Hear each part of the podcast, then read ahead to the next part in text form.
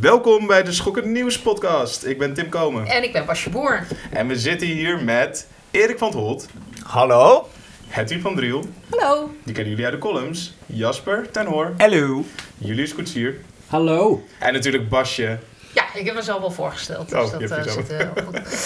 Eh, dit is natuurlijk de laatste uitzending van het jaar. We zijn aangekomen in december. Dus vonden het wel... eh, nou ja, we hebben een bijzondere podcast in het vooruitzicht. Ja, we hebben geen columns dit keer. Erik en Hedwig waren off the hook en die zitten hier gewoon lekker aan tafel. En ehm, ook het rondje en de vooruitblik gaan we gewoon helemaal anders doen dit keer. Eh, en wat we in ieder geval gaan doen is, we gaan allemaal onze top 5 noemen met de allerbeste films van 2017. En we gaan het hebben over de trends van het afgelopen jaar en waar we uitkijken in 2018. Ja, dat gaan we ook doen. En we hebben, je hebt een quiz voor ons gepland. Ik heb een quiz voor jullie gepland. Dus we gaan na elke top 5 ga ik één vraag stellen. eh, en dat wordt allemaal heel spannend. Maar dat leid ik in straks tijdens de eh, uitzending. Dus ehm, blijf vooral luisteren. Ja, ik ben ook heel benieuwd eigenlijk. En, en we hebben nog iets spannends, namelijk eh, een drinking game hebben we bedacht. Dus we hebben hier sowieso heel veel wijn op tafel staan. Dat is gewoon voor de gezelligheid. En, maar we hebben ook hele serieuze jenever op tafel staan. Want bij de top 5, eh, als iemand een film noemt die, die een ander dan, eh, of die jij zelf ook eh, in je top 5 hebt staan, dan moet je een shotje nemen. Een shotje eh, koude jonge jenever. Dus we geven je nu nog even de kans om de flesje neven te pakken uit de kast. En doe gewoon gezellig met ons mee. Als, Ja. jou, als jouw top 5 er ook in zit, dan ben je ook gewoon net als wij hartstikke lam tegen het einde van de podcast. Nou, we beginnen eigenlijk gewoon maar meteen. Eerst nog een klein muziekje voor jullie. Daar komt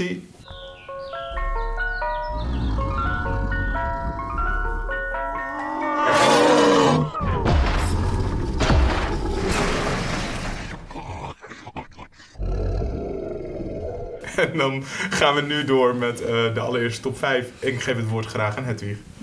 Ja, nou een top 5 daar moet je natuurlijk eh, serieus over zijn en criteria bepalen van tevoren. Allereerst eh, bij Schokken Nieuws mogen er televisieseries op, heb ik niet gedaan.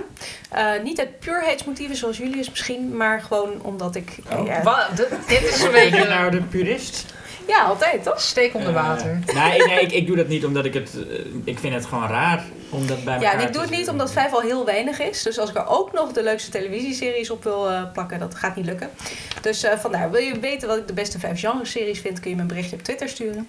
Verder, er waren drie films die ik net op het nippertje vond. Dus die heb ik daarom ook niet eh Welke, welke, meegenomen. welke? Ja, het zijn drie meer actiefilms. In oplopende volgorde van kwaliteit, namelijk Baby Driver, John Wick 2 en Good Time. Oh ja. Good Time is echt wel echt een van de beste films van het jaar, maar ik vond hem net niet schokkend nieuws genoeg. Nee, ik ook niet. Ik ook niet. Ja. Hij staat in mijn, zeg maar, niet schokkend nieuws eh, top 6, staat hij op 2. Ja, nee, echt een hele goede film. Dus mocht je hem nog niet hebben gezien, vooral inhalen. En tenslotte heb ik Star Wars nog niet gezien. Dus als je vraagt waar die is, dan... eh, Wij allemaal niet, geloof ik, toch? Ja, heeft Ik hij. wel. Oh, ik oh, heb de Last zo. Jedi gezien. Ik ja. heb hem ook gezien. Oh, en... eh Je vond hem wel goed, nou, dat eh, zien Ja. we zo we meteen. straks. Dat horen we- Hedwig, wederom, eh, wat is eh, je nummer Nou, 5? ik begin, hou in op, spanning. eh, ja, nee, ik bouw hem nog een klein beetje op, want mijn nummer 5 is altijd een beetje een wildcard. Dus niet per se de op 4 naar beste, maar eentje waarvan ik vind dat hij meer liefde en lof en aandacht verdient. En dat is dit jaar Valerian van Luc Besson. Gelukkig hoef ik nog geen jenever te drinken. Niemand hoeft een shotje nemen. Ik zie inderdaad niemand drinken. Dus wat dat betreft was het een aardige, aardige keus. Nee, eh, Luc Besson is, en dat ga ik later nog over iemand anders zeggen in deze uitzending, meer een production designer dan een verhalenverteller. En het script is ook niet heel sterk. Maar die film zit zo vol prachtige visuele ideeën. En het, het ziet er ontzettend gaaf uit. De openingssequentie is super. En het is kennelijk de duurste onafhankelijke productie ooit. En het is ontzettend geflopt. En dat verdient het gewoon heel erg niet. Want Nee, die dat film, is heel jammer, ja. ja, die film heeft meer visuele verbeeldingskracht dan het hele MCU bij elkaar. Dus ik vind het echt heel jammer dat het zo'n flop is geweest. En daarom wilde ik hem hier nog eventjes op nummer 5 Dat zal heel... in het zonnetje zetten. Nou, ik vind het heel goed hoor. De wildcard van. Jenever, nee. De rest zal ik niet, eh, niet, ik zal niet over elke film zo uitgebreid zijn. Maar op nummer 4, tromgeroffel. Ja, daar staat Okja van eh Bong Oh, Joon-ho. oh, oh. Hey, Oh, ik zie, ik zie. Daar gaan we. Daar gaan we Proost. glaasjes. eh, Julius ja. en Jasper. Julius versus Jasper. En daar zal ik eh, kort over zijn. Eensgezind dit keer. Ja, ik zal er kort over zijn. Darren Aronofsky kan nog heel wat leren van Bong Joon-ho over hoe je je allegorie toch echt een kloppend hart geeft. Op nummer Dat ben ik drie eens overigens. Ja. staat eh, ook een film van een Koreaanse maker. Namelijk The Handmaiden. Oh, nu moet ik drinken. Oh ja, Ook weer. Tim en Julius. Nee, echt Is een... het eh, vies, jongens? Of, eh, Nee, valt Nee, wel mee. echt goede jenever. Het zijn Ja. toch shotjes? Ik neem het nu al een shotje. Ja, ja, ja. veel te veel. vooral bij. Nee, niet. Oh, ik moet nu dus ook eens. Het, waren, Basje had de glazen in elk geval goed gevuld. Of Hedwig heeft ze gevuld, ik heb ze toch? gevuld, Ja, ja. ze waren wel echt tot, Ja, ja. tot, tot, tot de rand. Maar dit betekent natuurlijk ook dat ik zo meteen nog wel vaker zal moeten drinken. Maar ja, de Handmaiden, heel mooi, prachtig aangekleed. Een sprookje met een pervers randje. En ik vond hem echt heel goed. Op eh, nummer 2, de enige film van een vrouwelijke filmmaker op mijn lijstje, namelijk Raw van Julia Ducournau. Fuck, ik moet weer. Tim. Oh nee, Tim. dat gaat helemaal niet goed komen. Ik voel ik nu al. Sla hem achterover, Wat een Tim. slokje. Kan het? Nee? Ja. Heel goed, heel Ja, goed. en bovendien, nu heb je er al een heleboel gehad. Dus die kunnen Dat is waar. Als mijn top nog een keer 5 komt, dan hoef ik niet. Eh, nee, hele, eh, ik heb hem niet in de bioscoop gezien, omdat ik elke keer toch geen trek had, pun intended. Vind ik jammer. Want ik heb hem later eh, gewoon op de bank gezien en het valt reuze mee hoe onsmakelijk die is. Maar Echt een goede film. En echt gewoon echt een hele goede coming of age met een interessante premisse. Het, ook een goed einde, dat is vaak een probleem bij dat soort films. Maar deze wist echt, eh, ja. En op nummer 1, dat was wel één die eh, met kop en schouders boven de rest uitstak. Get Out. Ja, Jordan ja, Peele. Weer drinken. Eh, gaan we. ja, daar gaan we hoor. Oh ja, dat is Iedereen de pakt ook hele gewoon tafel, de hele eh, tafel De hele tafel moet ik. Nee, maar ik ging daar naartoe en ik had al torenhoge verwachtingen vanwege de recensies uit Amerika. Ja. En toch, het loste ze allemaal in. En nou ja, ik ga er niet veel over zeggen, want veel mensen zullen er nog wel wat over zeggen. Maar wat ik wil uitlichten is dat onder andere laat het zien wat de kracht van cinema is. Namelijk hoe het je kan laten inleven met iemand die niet op je lijkt. Want ik ben een witte vrouw. Ik heb best wel positieve ervaringen met de politie. Maar aan het eind van Get Out komt er een politieauto aanrijden. En op dat punt zit je al zozeer in de schoenen van de hoofdpersoon, een zwarte jonge man, dat je denkt, oh shit, Nu gaat het mis. Ja. nu gaat het mis. En ik vind het echt heel, ja, heel goed hoe Jordan Peele dat in elkaar zet. En hoe hij ervoor zorgt dat je inderdaad ja, die, die levenswereld helemaal ingaat. En alles op zijn kop zet. En eh, nou ja, ik zal er niet veel over zeggen, want andere mensen komen vast nog. Maar Heb je inmiddels al de, het alternatieve einde gezien dat Ja. op eh, YouTube ook staat? niet gezien, maar ik weet wel wat erin gebeurt. En ik ben blij dat hij daar niet voor is Ja, gegaan. dat- Want het is juist, Ik ook, ja. juist omdat je al denkt, fuck, is het heel mooi dat hij dat toch weer onderuit haalt. Dat hij die toch weer een op- twist geeft. Die staat op YouTube, we zullen hem niet spoilen, maar Ja. mensen kunnen kijken. Oh, dan wordt het volgens mij tijd voor mijn eerste quizvraag. Ja. Oh, Ja. Oké, nou hoe dit werkt is ik ga een aantal vragen stellen, eh, vijf in totaal. Eh, ik geef pas het antwoord bij de volgende ronde. En elke vraag is een inschattingsvraag. Dus eh, jullie ehm, eh, moeten een getal elke ronde opschrijven. Ehm, jullie krijgen daar per keer eh 10 seconden voor. Dan jullie hem aan mij zien. En dan ga ik kijken met het goede antwoord wie er het verst vanaf ligt. En dan de volgende ronde maak ik bekend wie er is afgevallen. Klinkt ingewikkelder dan dat Ja, het, het klinkt is. vooral heel serieus. Het is heel serieus. Zo. Ja. Helemaal zenuwachtig hiervan. De Ik ga- kinderen thuis mogen meedoen, toch? De mensen thuis mogen meedoen, dus eh, hou pen en papier eh, bij de hand. Ehm, we beginnen met een makkelijke. Eh, het is nog te zien in The Last Jedi en nog in een andere film volgend jaar, die heet Wonderwell. Maar helaas is Carrie Fisher dit jaar overleden. Zonder met elkaar te communiceren moeten jullie opschrijven in welk jaar ze is geboren in 10 seconden. Degene die het vers vanaf zit, valt in de volgende ronde af. 5, 4, 3, 2, 1. Ja, laat allemaal maar zien. Oh, dat moet Oké. ook. Nu al. Ah. Oké, ik zie. Ik, ik kan die andere blaadjes niet zien. Alleen Tim kan alles zien. Nu moet ik ineens gaan rekenen en ik kan het gewoon niet nog even. Kun je het allemaal nog laten zien? Na al die jenever. Maar Ja. moeten we het niet gewoon in... Ehm, nee, ik weet het eigenlijk al wel. Oh, Ja, ik weet het al. oké. Maar wat is nou de consequentie voor de winnaar en, en of, of verliezer? Nou, die ligt er gewoon uit. Die mag niet meer meedoen met de volgende ronde. Ah, jee. Ja. Ja. Dat is eh, helaas voor even jullie. Dat krijgen jullie straks te horen. We gaan nu eh, verder met... eh, ehm, De trend van Jasper. Yes! Oké, mijn trend voor 2000 en... eh, En eh, voor de duidelijkheid, wat je is opgevallen. Niet dat het een soort van jouw persoonlijke trend was. Die eh Mijn trend uitgedragen. waren, rode schoenen voor dit jaar. Dus, Oh, ja. eh, ja. Nee, mijn trend, wat ik gezien heb, is eh, als horrorfan zag ik heel veel iconen van vroeger terugkeren in 2017. Ik ga even het lijstje noemen, heel snel. We zagen onder andere terug Samara Morgan van The Ring, The Creeper, Jeepers Creepers, Chucky, Jigsaw, Leatherface, The Xenomorph, Pennywise, The Mummy. Allemaal kwamen ze in 2017 weer terug. Niet allemaal met even hele goede films, eh, kun je zeggen. Eh, wat ik vooral zag, en we hebben dat in de horror sequel eh, podcast ook over gehad. Je ziet dat sequels een beetje terugkeren. In plaats van de remakes is, zijn de sequels een beetje, zijn een beetje op gelijk niveau inmiddels. Ehm, en continuïteit wordt ineens weer heel belangrijk. Je ziet het bij, eh, neem iets als Jeepers Creepers. Daar komt ineens een derde film van en ineens keert de actrice Gina Phillips ineens weer terug aan het einde. Eh, Alex Vincent, het kleine jongetje uit Charles Play, is ineens weer terug na, na weet ik veel hoeveel jaar. Je ziet een heel, sterk dat fans willen graag weer die continuïteit van vroeger. Leatherface, ineens, ze nemen afstand van de reboot. Leatherface en gaan weer terug naar het origineel. En eigenlijk zijn er maar twee films die het niet eh, op de sequel manier deden. En dat is één keer heel erg slecht gegaan en één keer heel goed. Namelijk, de, eh, los van al deze sequels, eh, kwam Pennywise echt gigantisch eh, terug.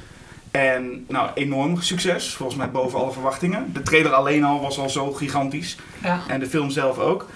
The Mummy ging daarentegen helemaal verkeerd. En ik heb, wat ik nu kan lezen, volgens mij is de hele Dark Universe ook nou, bij, op sterven na dood, geloof ik nu. Volgens mij ook gewoon geschrapt. Oh jee. En, ze, Echt, en ja. dat na alle promotiefoto's met Russell Crowe en Johnny Depp. En het zou allemaal toch fantastisch worden. Nou ja, dat blijkt dus dat je eerst gewoon een goede film moet maken voordat je een heel universum aankaart. Oeps.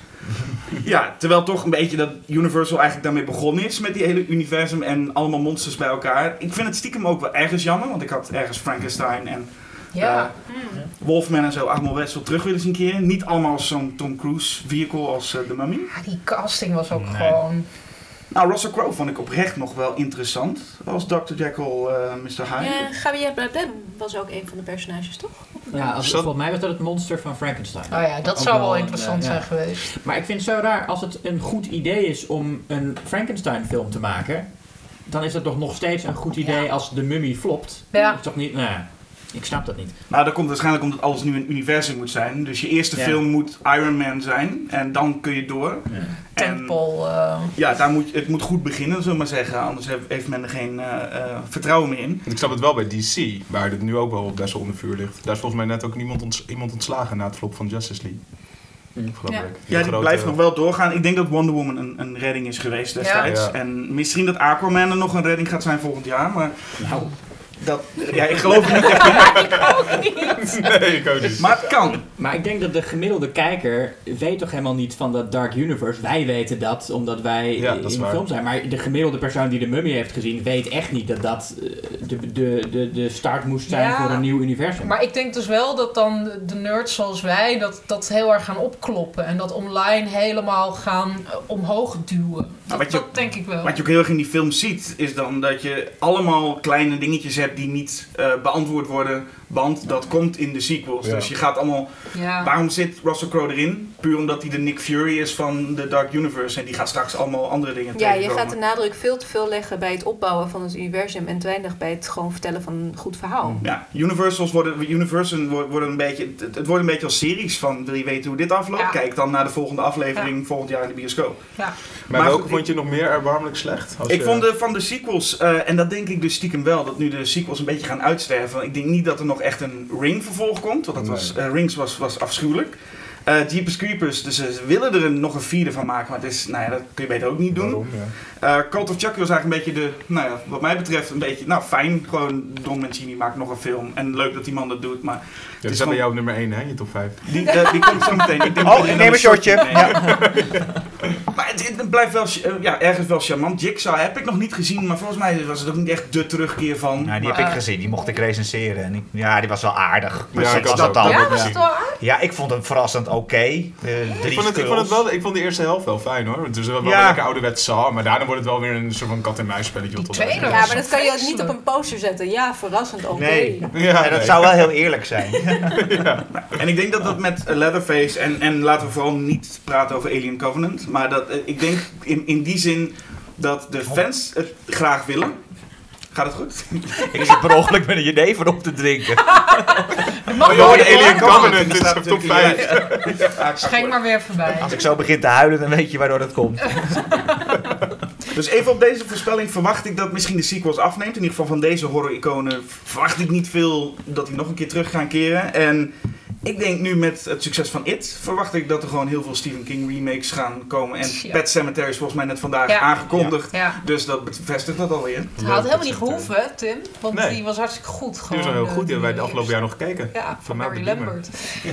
Eh, Julius, De top 5 van De Julius. top 5 van jullie is. Yes. Oké. eh, Nou, get ready to drink, guys. eh, op 5 heb ik staan eh, personal shopper.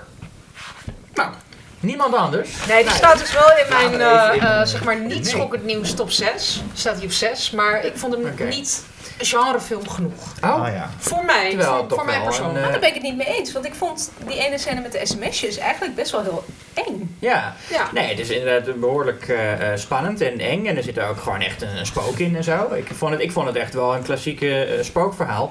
Met dan eh, een soort modern tintje in die zin dat eh, de sociale media ontzettend gebruikt worden als een soort idee van je, je hebt nu kun je met iedereen op elk moment contact hebben. En mensen proberen dat ook na de dood nog door te drijven. Ja, zal ik dat nog niet eens bekeken, maar dat is wel Ja. eh, slim eh, gezien. En eh, Kristen Stewart is, is fantastisch in die film. Het enige nadeel vond ik, er zitten dus heel veel scènes in waarin ze zitten sms'en. En dan heeft ze het geluid van de toetsenbord aanstaan. Ja, echt verschrikkelijk. In de trein. ook totaal. In de- Echt, de hele tijd een tik, tik, Geen tik. problemen mee. Ja. En ook nog eens een Ik denk keer... dat die wel wat hebben. Zo lekker klinkt het. Ah, vreselijk. En heeft ze ook nog eens een keer, iedere keer als ze een vraag typt, wat best wel vaak is, zet ze een spatie voor het vraagteken. Ja, maar dat vond ik dus juist heel sterk. Omdat ik dacht, ja, dat is gewoon een normaal mens. Een schrijfstijl of zo. Ik neem een Ja. shotje. Gewoon uit jezelf. Jij vindt dat normale mensen dat Ik vind het ook Nee, ik kan me voorstellen dat, dat zij zo'n personage is dat dat doet. Ik vond dat, eh nee, Ik vond het ook echt geen super probleem irritant. mee. Ik zat echt de hele tijd van, god, Maar ik vind het wel leuk dat het een beetje een flaw is in haar. Ja, toch? precies. Ja, dat is Ja, ik character flaw. Ik zou als ik eh, is gewoon niet zo een slim. boek schreef en ik had een personage dat de hele tijd aan het berichten was en ik wilde die een persoonlijkheid meegeven in hoe ze berichten verstuurde, zou ik dit misschien ook toepassen. Ja, maar ik vond niet echt passen bij haar persoonlijkheid. Nou ja, goed. Hoe dan ook. Dus maar ook Ja. door. waar we het echt 10 minuten kunnen hebben over spatiegebruik. Ja, dat was is, wel een dingetje de hoor. meest irritante. Nou goed, ik vind het irritante dan ook mijn moeder. Wat op een lijstje stond van, van meest. Nou, ja, laat ik daar niet eh, te veel over. eh. Eh, op nummer 4 heb ik ook ja staan. Hey! Oh, twee mensen gaan drinken. ja, De Netflix film. en Nou ja, Jasper. eh, eh, eh, vorige keer, er zaten ook de beste actiescènes in, volgens mij, van het jaar. De- de- de- vooral in het begin. Op een gegeven moment wordt er op dat eh, grote varken gereden. En door, ja, dat, dat is gewoon een, een prachtige actiescène. Meer kan ik er niet over zeggen. Ja, ik kan die film, dit is echt heel erg soort van zwak voor mij, maar ik, ik kan die film niet, ik durf hem niet te kijken. En ik ben heel erg fan van hem, ik heb al zijn films gezien. Maar ik ben zo gevoelig als het gaat om zielige dieren. Dat Ik zag ook wel heel erg huilen. Ja, ik zag laatst Starship Troopers weer en ik had zo Oh, ja. medelijden met de bugs. Dat Ja, is dat gewoon, dat, ik Nee, kon er niet mee dan omgaan. overleef je ook ja Nee, niet. toch? Dus dat, eh, Nee, ik vond ook het einde van. Starship Troopers, als ze die bug hebben. En Zo, Oh, ja. die, die brain bug. Van, eh, ja. oh, Dat is het me- voor mij een van de It's meest afraid. heftige... Ja, het is echt een En mokerslag. dan juichen, ja.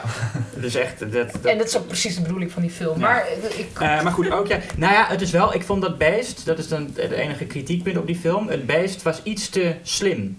Want als het, als het echt als metafoor dient voor eh, de bio-industrie, ja, dan zijn de dieren die daarin zitten toch minder intelligent dan ook. mm, Ja, nou ja, varkens zijn dan wel een stuk eh, slimmer, maar hij is ook nog niet zo slim als een varken. Eh, op drie heb ik A Ghost Story. Ook niet echt Nee, zo'n Overweldigende stilte. Wel, Niemand- staat wel in mijn soundtrack top 5. Overweldigende stilte zit ook in die eh, film, inderdaad. Ja. Ehm, ja, een heel, eh, aan, aan de ene kant is het natuurlijk een heel klassiek ding de, van zo'n spook met een, met een laken. En ik vond het heel goed werken in die film, eh, dat laken, omdat je daardoor niet zijn gezichtsuitdrukkingen ziet. ja, natuurlijk. En eh, eh, dan mag je heel veel zelf invullen van hoe die reageert op wat er om hem heen gebeurt. Maar Eh, waarom is dit, want ik weet dat meer, meer mensen het een horrorfilm noemen, maar waarom is dit een genrefilm? Het is Nee, toch eigenlijk een romantisch drama? Nou, ik zou, het geen horrorfilm noemen. Niet, in- niet in de traditionele zin in elk geval. Maar ik vind het Spookfilm. wel een, een, ja, een spookfilm. En het is Letterlijk. echt ja, vanuit het spook verteld. Ik heb heel vaak als ik dan eh, eh, spookfilms zie als Poltergeist of zo... dat ik dan denk van, als we nou de geest konden zien...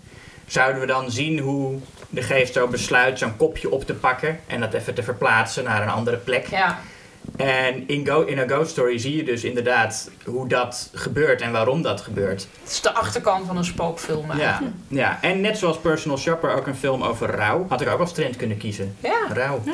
te laat. Nee, het kan Maar het, is, eh, het- maar het is dus de rouw Of van... kopjes, want het spook in Personal Shopper telt ook een Ja, kopje ja, op. ja.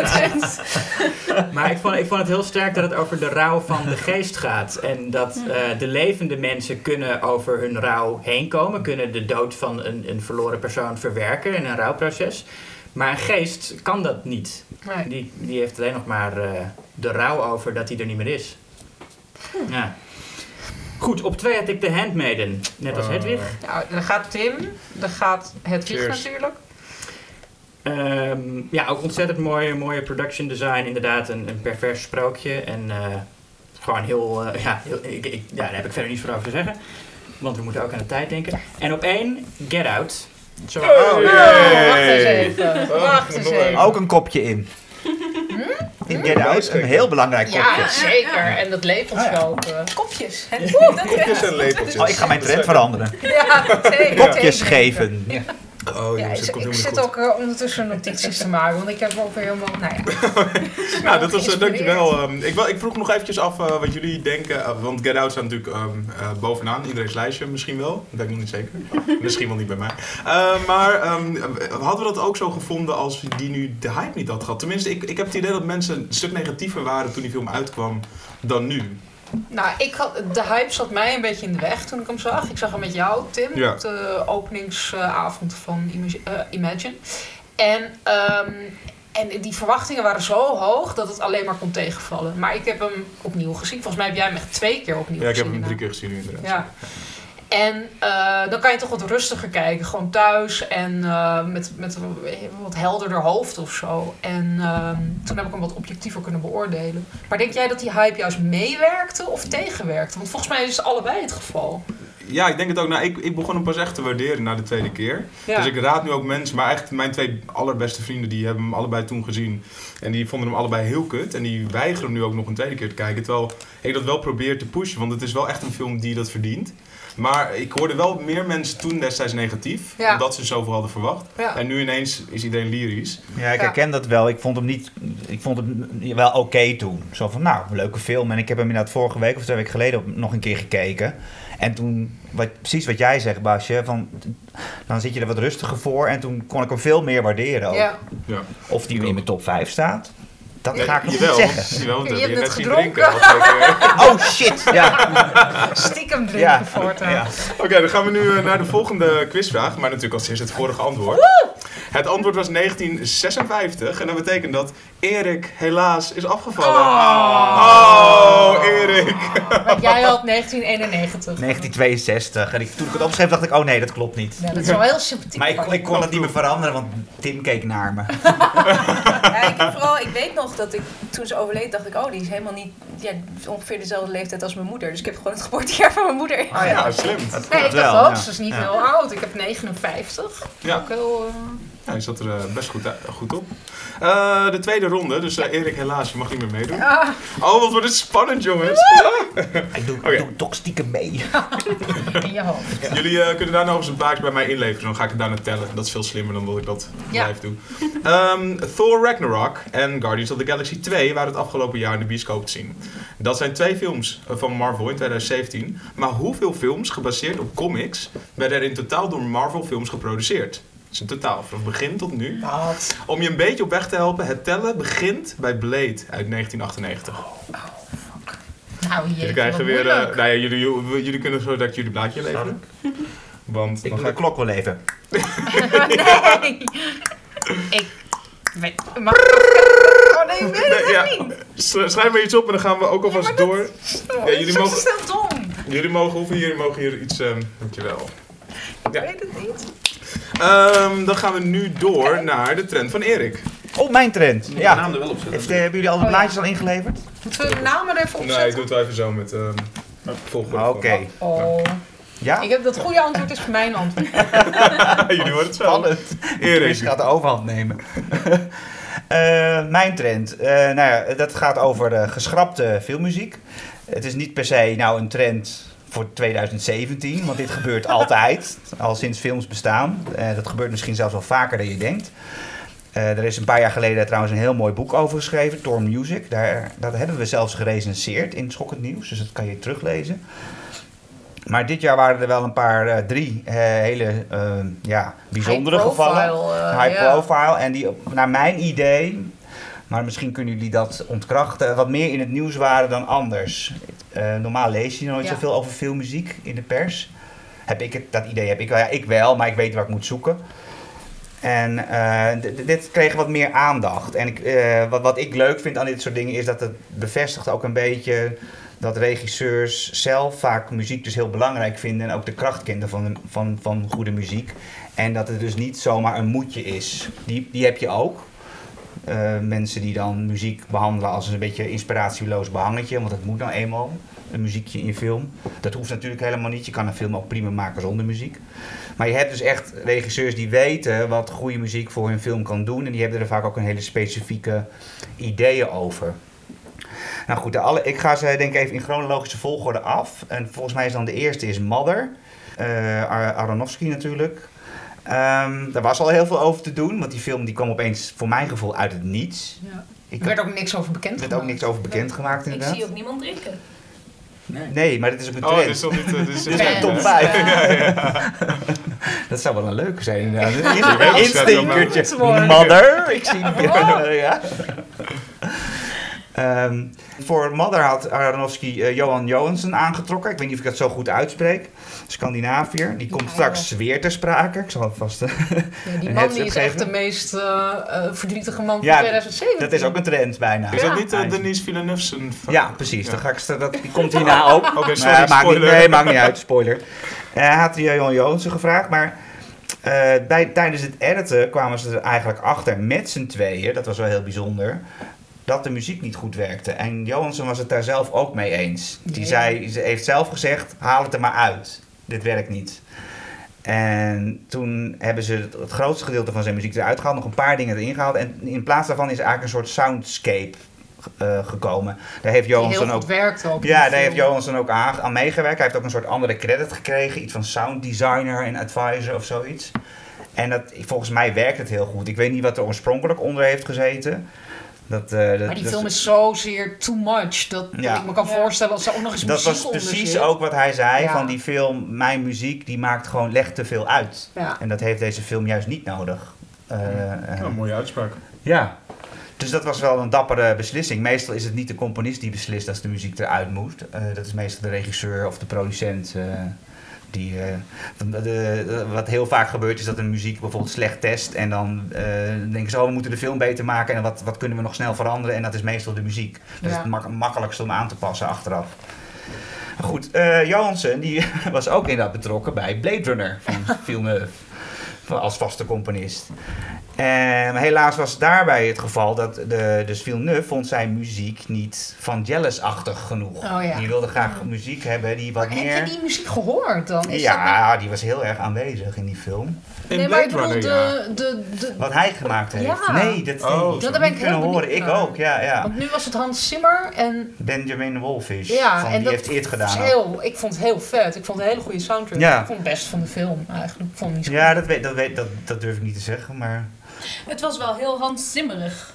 Ja, ja. Met echt van die... Maar ook Vangelis-achtig, want eh, zij hebben bijvoorbeeld echt letterlijk een thema van Vangelis gerecycled. De Ja. Tears in Rain, dat muziekje wat onder de monoloog van Rutger Hauer zit. Het zit nu aan het einde als hij daar in de sneeuw ligt. Ik zal niet zeggen voor degene die hem gezien hebben wat hij dan precies in de sneeuw doet. maar en... eh, ja. Ik zit me te bedenken wat mensen dan kunnen bedenken. Dan denk je, ja, wat doe jij in sneeuw? Een sneeuwpop bouwen. Ja, kijk maar eens op Facebook. Zijn naam erin plassen. Ja, Ja, ja, dat is een precies. En- Zeg met een eenletterige naam ben je dan wel vrij Vrij snel snel klaar. Ja. Maar goed, dat was dus niet Johanssons eigen keus. En, die, en, en de, de, de reden eh, waarom hij zeg maar, niet gevraagd is om dat aan te passen, dat was in het begin deden ze daar een beetje vaag over. Eerst was het ja, hij heeft geen tijd, de componist. En later bleek het, het gaat waarschijnlijk meer om een artistiek verschil. Ze zijn gewoon als maatjes uit elkaar gegaan. En waarschijnlijk had Johansson, die wilde zich liever die, daar niet aan branden. Die had eigenlijk gewoon geen zin om Vangelis na te doen. Nee, snap ik. En Hans Zimmer en Wolfish vonden dat verder geen probleem. En, eh, En wat was er? Er was nog één. Of, eh, ja, en de laatste is eh, Justice League. Oh. Dat is natuurlijk, dat was een film, dat is, dat is zo'n klassieke film waarbij dus uiteindelijk de hele score, zeg maar, gewoon eruit is gewipt door iemand anders. Hm. En dat is een Joss Whedon geweest. Die heeft het natuurlijk van Jack Snyder overgenomen aan het Ja. einde. Om het volgens mij eh, iets in te korten, wat ik begrepen heb. Want ze wilden dat die film niet langer duurde dan twee uur. En om wat reshoots te doen. Maar hij heeft kennelijk zo weinig geregisseerd dat hij niet de credit als regisseur heeft gekregen erbij. Mhm. Maar hij wilde ook gewoon die eh, score van Tom Holkenberg, alle eh, nou, ja, XL, wilde hij niet meer. En hij heeft toen Danny Elfman gevraagd om heel iets nieuws te schrijven. Danny Elfman kende hij weer van de vorige, vorige Avengers film. Want die heeft toen ook, is die ook eigenlijk halverwege aangehaakt om een deel van de soundtrack te vervangen. Die, eh, Brian Tyler was daarvoor ingehuurd. Je, je zegt dat Danny Elfman iets nieuws heeft. Hij recycled flink eh, zijn Batman. Nou, Eh, Batman Ja, ja. En, en Superman Nou, ik bedoel, die gebruikt hij misschien allebei weer. Hè? Ja, maar expres. Want Ja. Danny Elfman vindt dat als je een goede superhelden thema hebt, dat je dat gewoon moet, gebruiken. houden, om, om, om, zeg maar die films een beetje identiteit te geven. Nou, hij heeft wel iets nieuws geschreven in die zin van hij heeft gewoon een andere score geschreven, dat bedoel ik. En Junkie Ja. XL hoeft ook niet Ja. heel rauwig te zijn dat hij deze film niet op zijn cv heeft staan, toch? Ik bedoel, Wie? Junkie XL. Nee, Het is ja, een film die je niet nee, per se op maar je er is nou een petitie eh, gaande over dat fans die eisen dat de Jack Snyder cut wordt uitgebracht met de Junkie XL score. Zack Snyder trouwens. Sorry, voor dat de- zei ik? Jack. Oh, Jack. Oh. Oh, ik hoorde het niet. Voor de, voor de, voor de boze luisteraars. Ik sla het volgende shotje denk ik even over. Maar dat, dat waren de... Het viel mij ook op ja. hoor, dat er heel veel eh, in het nieuwe... Nou, die van Justice League heb ik helemaal gemist, moet ik zeggen. Maar de, die andere twee, Blade Runner en, eh, en Mother, dat, dat kwam mij wel ter oren. Ja. Dat was Ik echt dacht juist dat hij, nieuws. dat hij in, van Justice League meer in het nieuws was, omdat het ook een Nederlander was. Ja. Ja, Heb ja. ik helemaal Heb je gemist. gemist. Ja, dat ik klopt. slapen, ja, ik. Junkie eh, XL komt nog wel eens in het nieuws. eh. En daar, ik heb ook niet gehoord wat zijn originele, wat, wat zijn score is. Ik ben, ik ben zelf niet zo weg van zijn Ik muziek. ook niet, Ik helemaal vond niet alleen die van. Mad Max wel. Ja, die Ja, van die meisje is- is echt goed. Hey eh, Tim, eh, wat is jouw top 5? Uh-oh. Pak je nemen ja. erbij. Pak je je nemen erbij. Er zit in ieder geval Get Out in, dus eh, ik eh, pak ja. hem alvast. Dat is, en nog eentje als jullie hebben opgelet. Oh. Oh. Zal ik Ja. er twee shirts nemen? Oh, Het weet het wel. oh en... Ehm, maar ik moet nog een keer. op nummer 5 een gedeelde plek voor, met twee films die allebei nog Oh. niet zijn langsgekomen. Oh. maar ze hebben ongeveer dezelfde titel. eh, op eh, drie letters na. Namelijk eh, Split en It. Ah, split. Daar Daar gaat gaat hij in. even. Ik pak even Daar gaat je nummer. neven. Split en It. Nou, Split ik, eh, It. Split heb ik op mijn lijstje staan. Ehm, om eh, het kort eh, toe te lichten. Het zijn denk ik twee films waarbij ik ehm, allebei gewoon blij de bioscoop uitkwam. Ik vond het gewoon vermakelijk, goed gemaakt, onderhoudend. Niet de beste films ooit, maar wel gewoon sterk. Eh, en vooral natuurlijk het einde van Split. Voor de, de mensen die dat nog niet hebben gezien. Ik heb het Die, nog eh, niet gezien, maar ik weet het einde al wel. Ja, het is een eh, enorme... Nou ja, de, de, de- het vervolg komt binnenkort ook uit. Die heet Glass. En voor de hele slimme luisteraar die Split nog niet heeft gezien, die weet dan misschien wel waar het over gaat. Ehm, op nummer 4. Get your Jennifer ready. dat is niet de Engelse naam voor je neven. Nee, eh, Genever. Oh, Geneva. Gin? Een soort gin? Ja, dat Ja. is relatief. Jennifer Berries. Op nummer 4, ik denk ter jullie verrassing, hoe zeg je dat? Verrassende keuze Get Out. Maar op nummer 4. Ah. Niet op nummer 1, zoals bij iedereen. Waar gaat die film eigenlijk over? Vertel eens. Nou, het gaat dus over een eh, donkere jongen. Nee. Oké, we hebben hem volgens mij allemaal wel gezien. Ik hoef er ook verder niet zoveel over te vertellen. Eh, nummer 3, The Handmaiden. Die eh, hoorde ik ook al keer. Julius. Hedwig en Julius. Katje Lam zijn ze aan het woord. Jasper schenkt alvast bij. Eh, op nummer 2 eigenlijk mijn, grote, mijn, eigenlijk mijn grootste twijfelgeval. Want het is wellicht helemaal geen schokkend nieuwsfilm. Twijfel of hij er wel in zou moeten. Of... Of wie er wel in zou moeten, ja. Oh. ja. Ik heb echt eh, hier heel lang over... Maar ik was zo onder de indruk van deze film... dat ik hem toch in heb gedaan. Dat Nou, is nu ben ik heel benieuwd. Coco. Oh ja. Oh, ja, was- ja, echt zo twee seconden stil. Maar die heb ik er dus bewust uitgelaten, omdat ik dacht, het is geen schokkend nieuwsfilm. Ja, Anders had hij er bij mij ingestaan, dus ik neem een half shotje dan. Ah, Ja, dat vind maar. ik lief van je. Nou, ik heb hem nog niet gezien, maar ik ben heel benieuwd. Nee, ik ook niet. Nou, ik... Oh, sorry, ja? Nou, een, een paar jaar geleden hadden we Inside Out in Ja. de top 5 in het Ja. blad staan, Ja, toch? Ik vind Coco Nou, meer mag tien. En daar was Barend toen niet heel ja, blij nee, over. Barend de Voogd was daar, onze hoofdredacteur was daar niet eh, over te spreken. Ik vind het ook altijd lastig met animatie, want Ja. Eh, kijk, eh, ik heb laatst Frozen weer gekeken. Dat is grappig. Ik zag Frozen en de dag daarna Raw. En toen dacht ik, nou, ik zie wel overeenkomsten. ik zie wel overeenkomsten. Ik Eh, eh, snap hem. Ja. Ehm, maar eh, dat is natuurlijk een, het is een sprookje, het is een fantasieverhaal, het is animatie. Maar ik, ik zou hem niet in mijn school nieuws top 5 Ja, maar. Coco gaat hij echt naar het land van de doden, toch? Dus dat ja, is dus wel, het is, het is ja. eigenlijk Pixar Spirited Away. Zo, dat is de beste manier om, te, om te omschrijven. Het gaat inderdaad over een jongetje die eh, enorm... eh, die woont in Mexico. Het wordt eh, La Muerta de Dia, Dia de Muertas. De dag van de doden. De dag van de doden. Wat jullie vast wel eens hebben gezien met die skeletten. ehm, dat komt eraan en hij steekt eigenlijk op die avond eh, over naar het dodenrijk.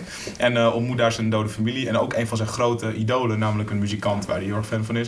En vanaf dat moment is het gewoon één groot Spirited Away avontuur. Dus hij gaat op pad. En eh, ja, ik was echt ontzettend onder de indruk. Ik weet. Jij hebt hem ook gezien, toch? Ik heb hem ook gezien en dus inderdaad, en op animatievlak ook heel hoog. Echt sommige, Ongelooflijk mooi gemaakt. sommige dingen zijn zo mooi gemaakt ook, Ja. ja. Dus de lat ligt ook weer heel hoog. En ik was blij dat Pixar weer een beetje op dat niveau ja, zit. Dat absoluut. was een hele, Nou, hele sinds film. Get Out weer een hele goede film. Of sorry, Get Out, Inside Out. Eh, Get, Get Out van Pixar.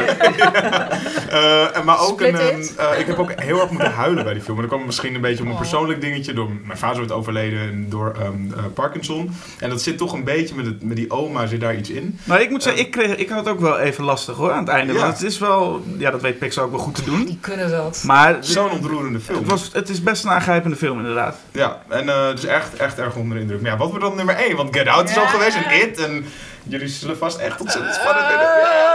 The Mummy? Raw. Oh ja, Dat ja, wist dat kon je wisten echt we goed al. Dat lezen. wisten we. Maar even voor een kastje.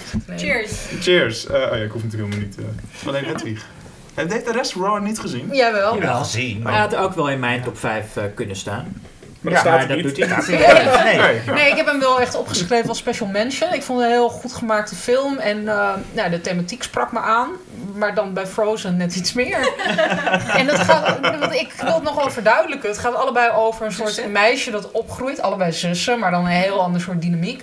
Ehm, en het gaat over een soort eh, een ongekende kracht in jezelf. Wat je ook natuurlijk in superheldenfilms ziet. Maar wat hier dan een soort, neg- ja, een soort negatieve kracht in jezelf. En bij, bij Frozen, ja, ik blijf het over Frozen hebben of andere Nooit over nagedacht over deze Ehm, overeenkomst. daar raakte dat zo, eh, raakte mij dat zo, dat, dat idee van dat je die, die kracht onder controle moet zien te houden, maar ook het mooie eruit zien te halen. En, ehm, en dat is bij Raw wat minder, maar het gaat daar wel heel erg duidelijk over. Zo'n opgroeiend meisje, ik vond die hoofdrol heel goed. Heel Ja, goed. Gecast ook. Die jongen echt ook. zo. Die, Ja, eh, waar ze allebei eh achteraan Alex. zitten. ja. ja. Ehm, ja, een hele interessante film. Ja, Ja. zeker. Heel mooi. Een hele goede coming of age film, zoals Hedwig ook al zei. Eh, dan gaan we nu weer door naar eh, de quiz. Ja? Oh. Oh nee. Oh, ik heb het antwoord. Ik ga de twee mensen met het slechtste en het beste antwoord voor mijn vraag komen staan. Oh, dat vind ik echt heel Dit gemeen. dit want is ik, helemaal... ik heb natuurlijk het slechtste antwoord. Basje Ja. en Jasper. Eén van jullie valt af in deze ronde. Ik ook. Eén van jullie was er het dichtst bij. Er zat er maar eentje naast, volgens mij. En de andere heel ver weg. Jasper, je bent de afvaller. Ja! Twist! Plot twist, Basje erin. Basje, jij had ehm 36. Het Ja. waren er 37. Staan er 37. Ik heb echt heel random iets gehoord. Ik, Nou, had, oké, eh, niet heel ik, ik had random. 35. Oh, ja. Jasper die zat op 62. Ik dacht dus heel veel van die, Ja. van die films Ja, toch? er wel Nou, mee. ik dacht dat... Dat valt inderdaad nog wel mee. Ja. Ja. Ja. Dus eh, oh, nu gaan we natuurlijk naar de volgende vraag. Dus Ja. mogen weer jullie pennen en papier pakken. Ik word echt een beetje spannend. Ik hoop dat je nog, eh, Ja, tijd- Het is Ik hoop wel leuk om naar te luisteren. Eh, oh ja, Jasper die eh, mag zijn eh, papiertje inkomen leveren. I'll fix it in post, Basje. Dus we hebben nu nog, eh, we hebben nu nog Hedwig, Basje en Julius over. Eh, en de derde vraag is: Je kon er niet omheen. Get Out, de horrorhit van het jaar. Eh, en wellicht een toekomstige Oscar-winnaar. Maar hoeveel haalde Get Out wereldwijd eigenlijk op in de bioscoop? Ja, ik, zou het zeggen, ik heb hier een krant op mijn schoot liggen. Daar staat het antwoord in. Maar ik zal Ja. niet kijken en ik weet het niet uit mijn hoofd. Nou, ga maar schrijven, alle drie. Ik zou hier weer 62 gegokt hebben. 62 dollar. Ja, toch? Wat leuk, ik had 1962. En jij nu 62? Dus ik zou, ik zou als aan Dus de... wij, zijn, wij ik struikelen over de 62. Ik zou geen ik 62 zou geen doen. 62 opschrijven. Dan, dan val je af. Ja. Nou, ik, ik heb weer geen... Ik ben heel slecht met getallen. Wat gek dat je dit gewoon niet uit je hoofd weet. Oh. Nou ja, je hebt het al tot de derde ronde geschopt, eh Basje. Ja, dat Dus is zo waar, ja. En eh, nou, dan gaan we nu door naar eh Hedwig's trend. Hedwig, Ja, wat mij opviel in de bioscoop dit jaar is dat eh, mensen kennelijk vrouwelijke, se- vrouwelijke seksualiteit nog steeds wel eng vinden. Zijn we weer terug bij Raw. Ja, we zijn weer terug Raw, bij Raw. Raw En is Frozen. inderdaad één voorbeeld van. En Frozen. Maar Frozen is niet van dit jaar natuurlijk. Eh, dat gaat ook over ontluikende seksualiteit trouwens. Ik weet niet of je dat gemerkt had. Zo. Frozen? Ja. Zo. Ik weet alleen die irritante sneeuwpop nog. Frozen echt nog een keer gaan kijken. Er zit meer in dan je denkt, hè? Ja. Die sneeuwpop heeft een hele lange harde wortel, hè. I'm just saying. Ja, en dan hebben we het nog niet over de Tumblr-blogs die erover gemaakt zijn. Maar laten we daar ook niet over hebben. Nee, ik wil het hebben over Raw inderdaad. Want daar gaat heel erg eh, die, die, die, die ja, honger die, die ze opeens krijgt. Dat is niet alleen naar mensenvlees, zeg maar. Dat gaat wel heel erg samen met ook het ontdekken van haar seksualiteit. Er wordt heel duidelijk een parallel ook tussen getrokken. Dan hebben we ook nog Thelma, Ja, ja, Joachim tuurlijk. Trier. Ja. Ik heb nog steeds zit, niet eh, gezien. Is die goed? ja, ja ik, ik heb er ook over nagedacht. Eh, Die had zeg maar op een andere dag in mijn top 5 kunnen eindigen. Oh, ja, ja. Is, eh, ja, daar gaat het dus over een, een heel religieus opgevoed meisje dat eh, gevoelens krijgt voor een ander meisje. En dat dat heel probeert te onderdrukken en eh, dat uitzicht dan op andere manieren. En eh, het is een interessante film, want eh, ergens hebben de streng religieuze ouders niet helemaal ongelijk. Maar ja, maar ook, ook weer niet. Dus, want het is, je kunt je afvragen of zonder die onderdrukking of dat ook zo gevaar zou veroorzaken enzovoort. Dus een interessante film op dat vlak. Maar Eh, speelt het daar ook mee met dat thema? Of met dat gegeven? Of... Ja, heel erg. Oké. Het is heel erg haar, haar bovennatuurlijke krachten, zeg maar, die, die, dat gaat heel erg samen met haar lustgevoelens. Maar kan je hem ook interpreteren als homoseksualiteit is fout? Of, of Nou, speelt het met het idee dat, dat je dat er ook uit kan halen? Ik, Het speelt een beetje met het idee dat je het er ook uit kan halen. En dat, dat, dat, dat zekere dingen gevaarlijk zijn. Eh, en dan hebben we nog eh The Handmaiden, waar ik het al over heb gehad. Heel seksueel. Heel seksueel. En daar ook blijkt dat zeg maar, de, de mannen proberen daar heel erg de vrouwen in een soort seksueel onder, ja, of gedienstige rol te drukken. En pas als die, die vrouwen een actieve rol nemen, blijkt dat ze ook eh, best gevaarlijk kunnen zijn voor de mannen in hun leven. Eh, en eh, verder hebben we nog The Beguiled. Oh ja, tuurlijk. Sofia Coppola. Sofia Coppola. Dat is ook een en al seksueel getint. eh, Precies, en dat gaat ook heel man. erg over een man die, die denkt dat hij die seksuele gevoelens van vrouwen, dat het wel te beheersen is en te manipuleren. En dan blijkt dat hij het toch niet allemaal onder controle heeft. Nee. En dat, ja, dat het, echt wel eens losmaakt. En het is allemaal niet hetzelfde. Het, is, het kijkt op allerlei verschillende manieren tegen die vrouwelijke seksualiteit uit. En waar het gevaar in zit, is in sommige gevallen dus ook de onderdrukking. En in andere gevallen juist het loslaten ervan. Het achtervolgen ervan. Maar ik vind dat ja, juist in deze tijden ook heel, heel interessant. Dat dat eh, als gegeven dus zo vruchtbaar is voor makers van genrefilms. Ja, wat is dat dan eigenlijk dan een soort van toevalligheid dat er in dit, in dit jaar, wat een heel bewogen jaar is geweest voor vrouwen, in, zeker in Hollywood, eh, dat, het, dat dit dan allemaal zo samenvalt in, Nou, in je hebt kunst? altijd al dat soort films gehad. Ja. Eh, zoals eh, Ginger Snaps, bedoel, ja. Ja, natuurlijk, ja. ja. Maar ik vond het wel opvallend dat er nu ja, dus vier films te noemen zijn waarin dit een thema is. En in- ik denk ook wel dat het is dat er dit jaar, en daar gaan jullie het volgens mij ook wel iets meer over hebben, dat er.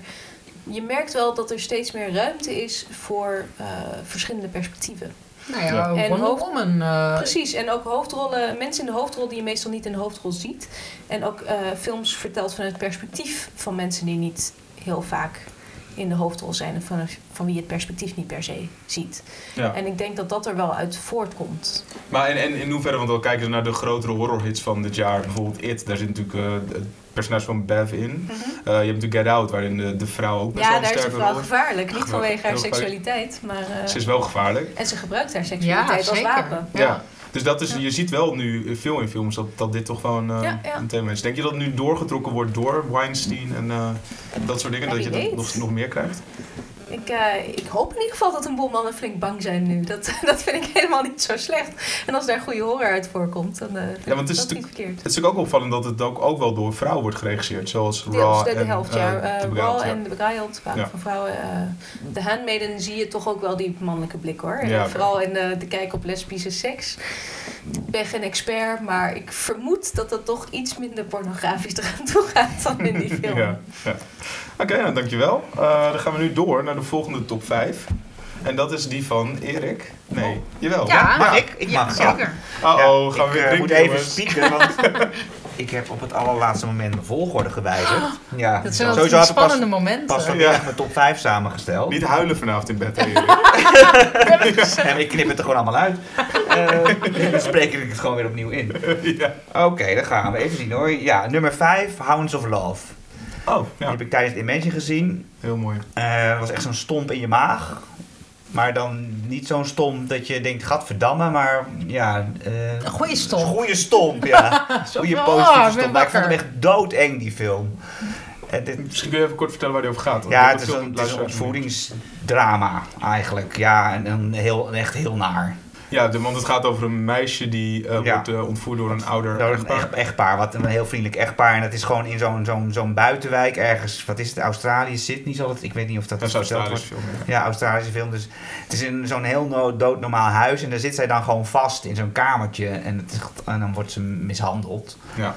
En het is echt heel naar. En je komt ook wel achter dat ze het vaker gedaan hebben. En, en Ja, het is zo, zo, wat zo spannend aan die film is volgens mij, is dat het een heel normaal echtpaar is. ja. En ja. dat hoor je ook wel vaak van kinderlokkers, dat dat ook een heel normaal, hele normale ja, ogen je- mensen ja, zijn. ja, ja, je krijgt, je, krijgt, je krijgt op een gegeven moment zeker een beetje sympathie wel voor de vrouw van, die- van het echtpaar. En, en, Dat, vond ik wel, dat vond ik een beetje een zwakte aan de film. ja, oh, dat Ja. vond ik wel, wel, wel fijn of gewaagd. Ja, daardoor trok je het misschien iets, of geloofwaardig, laat ik het zo zeggen. Ja, Ja. Ik, ik geloof zelfs niet zo in zwart-wit. Ik vond die grijs tint wel mooi. Ja. Even kijken, eh, door. Eh, nummertje 4, daar heb ik hem gewijzigd. Oh ja, Blade Runner. Ah, ja. Nou, Ja, ja. niemand, niemand, Niemand. rijdt naar zijn jenever. Nee. Wat wel nee. erg is voor een film die Blade Runner is en toch ook best aardig is gerecenseerd. En, Ik werd best Ja. wel boos van die film. Ik ook. Ja, dat heb ik heb hem verteld, ge- ja, ja. eerst gezien en toen moest ik vanwege omstandigheden halverwege weg. En toen dacht ik, nou ja, gewoon niet heel boeiend, maar oké. En toen ging ik hem later toch nog helemaal kijken. En toen dacht ik, wacht eens even, ik vind het echt een hele stomme film. Ja. En ik vond het personage van Joy echt, daar werd ik heel chagrijnig van. En die seksscène vond ik echt naar. Dat ik gewoon mijn ergste eigenschappen van het gedienstige gedrag zag ik weer spiegeld in dat vreselijke Oh ja. personage. Nee, ik heb dat heel anders opgevat. ja, is het niet de bedoeling dat je daar boos om wordt? Dat in de toekomst mannen toch eigenlijk weer niet beter zijn en Nou, ik Dat vond ze heel. technologie Ja, misbruiken. ik had dat gevoel Ja. dus niet. Ik heb dat vaker gelezen ook, die interpretatie, maar dat idee kreeg ik helemaal niet. Oh ja, nou, dat had ik gelukkig niet. Ik vond hem wel de eerste keer toen ik hem zag, toen, toen vond ik hem wel gaaf. En ik, ik, ik heb hem ook ademloos uitgekeken, vooral omdat hij zo mooi eruit ziet. En inderdaad die muziek Ja. eronder. Zeker. En, en toen heb ik hem nog een keer gekeken in de bioscoop. En toen, eh, zeker dingen die ik eerst ervaarde als plotgaten. Toen dacht ik, nee, dat zijn geen plotgaten. Dat, er wordt gewoon heel weinig eh, uit, echt uitgelegd. Er wordt gewoon heel veel aan jouzelf over, overgelaten. En dat kan ook een zwaktebod zijn trouwens, als je te veel aan de, aan de kijker overlaat. Maar ik, ik, ik ben er toen veel positiever, nog positiever over gaan denken. Ik vind hem niet zo goed als Blade Runner, wat in heel veel recensies stond. Maar dus wel goed genoeg voor de vierde Ja. plek. Ehm, even kijken. En dan nummer drie. Ja, die mochten jullie allemaal gaan drinken. Oh. Get Out. Oh, Oh. Get- Ja, ik zou hem er bijna uit. Ik, hem, ik denk, ik schap hem gewoon uit. Ik zet, ik zet daar neer. Ik zet, ik zet er iets anders neer. Maar ja, gave film. Ja, ook, en ook weer, net als Blade Runner, toen ik hem de tweede keer zag, eh, vond ik hem beter. Ja. Het is trouwens, ik heb het ook wel eens andersom hoor. Ja, als je een film terugziet, dat je denkt, nou vond ik Ja. dit nou zo goed. Eh, nou ja, genoeg over gezegd. En dan, nou, die 1 en 2, daar heb ik heel lang mee geworsteld. Wat er op één moest en wat op twee? Of Ja. gewoon welke? Nee, welke, de, wat, ik, wat erin moest komen, dat was voor mij al snel duidelijk. En dat heeft ermee te maken dat ik deze film op nummer 2 gisteren gezien heb. En dat is Star Wars, The Last Ah. Jedi. En die staat op twee. Die staat op 2. Oh ja. Omdat, en dat heeft ermee te maken, ik vond hem heel ben ik gaaf. wel heel benieuwd naar je nummer één. Ja, ik vond hem heel gaaf. En ik, dus sinds tijden was ik gewoon weer een beetje kind in Ja. de bioscoop. Was het, was het beter dan dus deel 1? En, Vond ik, daar- tot nu toe vind ik wel. Oké. Ja. Deel 7 bedoel je? ja, dat is Ja, het. vorige deel. Want deze film is veel onvoorspelbaarder. eh zit minder in die, in die, in die, zeg maar de eerste was gewoon een soort rehash van eh, één. Julius had het ook, toch? Jij vond ook deze Ja, de beste van de, de Ja, afgelopen nee, het was, jaren. het was de eerste Star Wars film sinds The Empire Strikes Ja, Back, waar ik ook echt enthousiast van werd. Ja, precies. Ah, En ik, was nog enthousiaster dan Julius, want ik vond jouw recensie eh, echt heel eh, spot on. Oh, niet, niet alles, maar op het meeste wel. schotnetnieuws.nl jongens, even lezen. Mm. En ik was, maar ik vond hem ook heel spannend. En ik zat er enorm in. Ik zat er op een gegeven moment echt helemaal weggedoken, ook in mijn kraag. Dat ik op een gegeven moment dacht, dit moet er echt heel raar uitzien. Maar gelukkig zaten, zaten links en rechts van mij die mensen net zo. eh, er staat een hele zaal, een IMAX vol met eh, mannen van 40 plus. Op wat voor moment allemaal was allemaal je te genieten.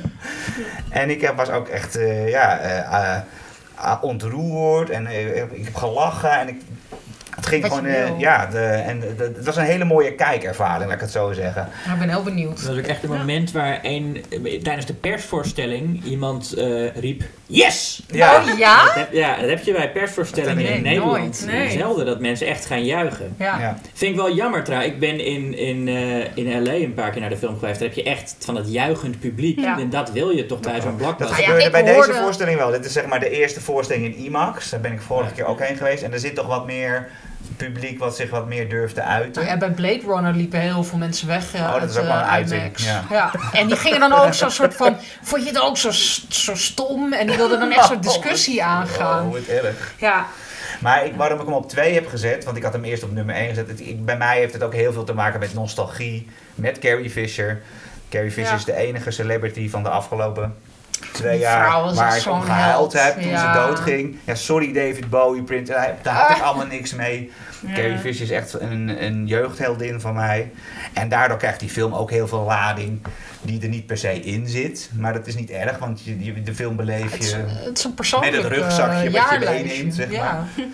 Dus daarom dacht ik nou op twee, want ik weet niet, het kan Maar ook wat is je nummer 1 dan? Oh, Oké, nummer- nummer 1 is, die hebben jullie ook allemaal Oh, niet. oh, oh, Oh, nee. niet? Oh. Nee, the girl, the girl with all the gifts. Oh, ja. Oh ja. Ja, ik Uitgezet halverwege, geen- maar niet echt met een reden. Ik vond hem mooi, maar heel deprimerend. Oh ja.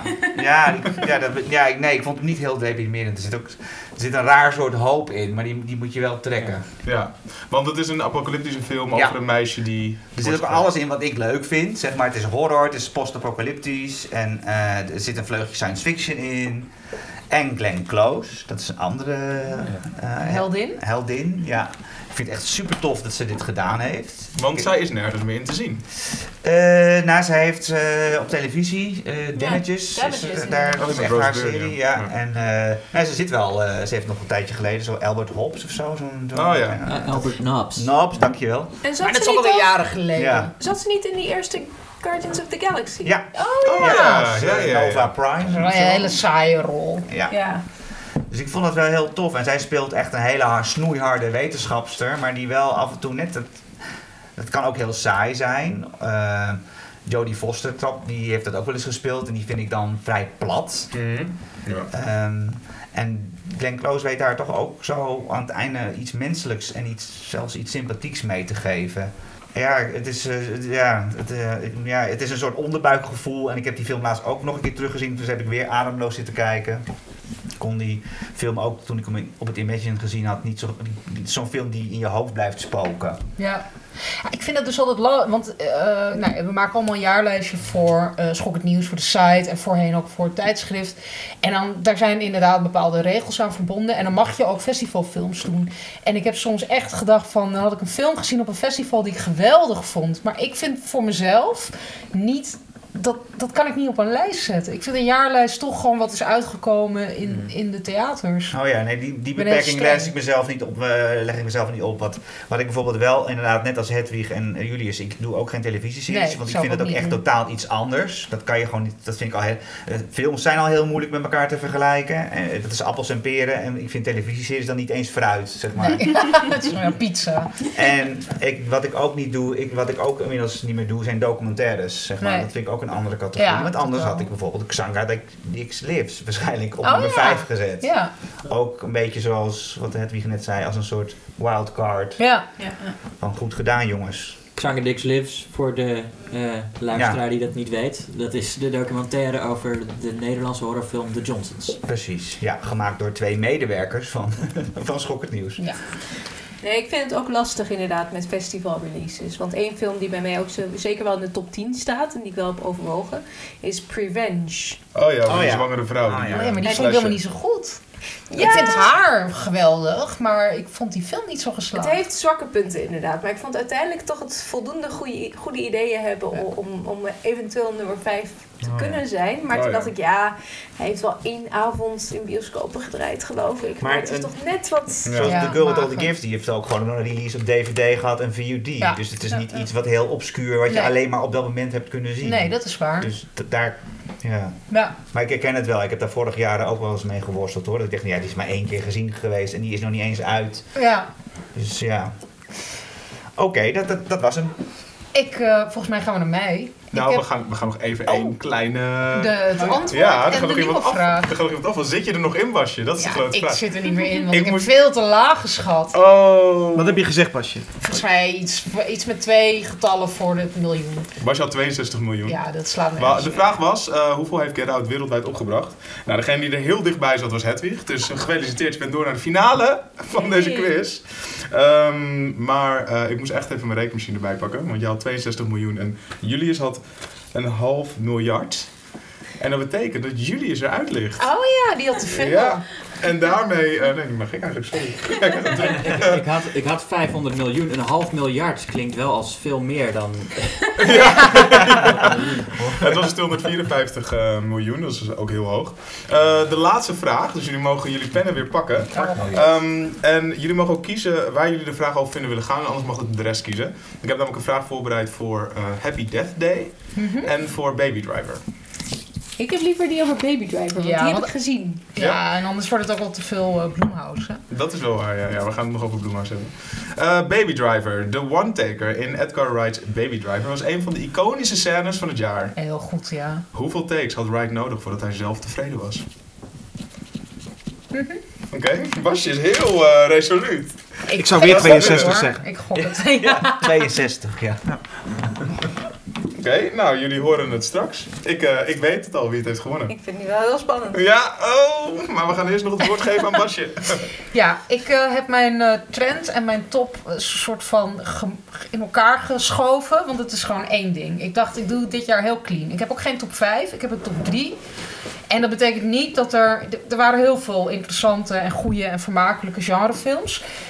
Maar ik had gewoon een heel goed gevoel bij deze drie. En dat is vanwege die trend. Het is namelijk op nummer drie heb ik Happy Death Day staan.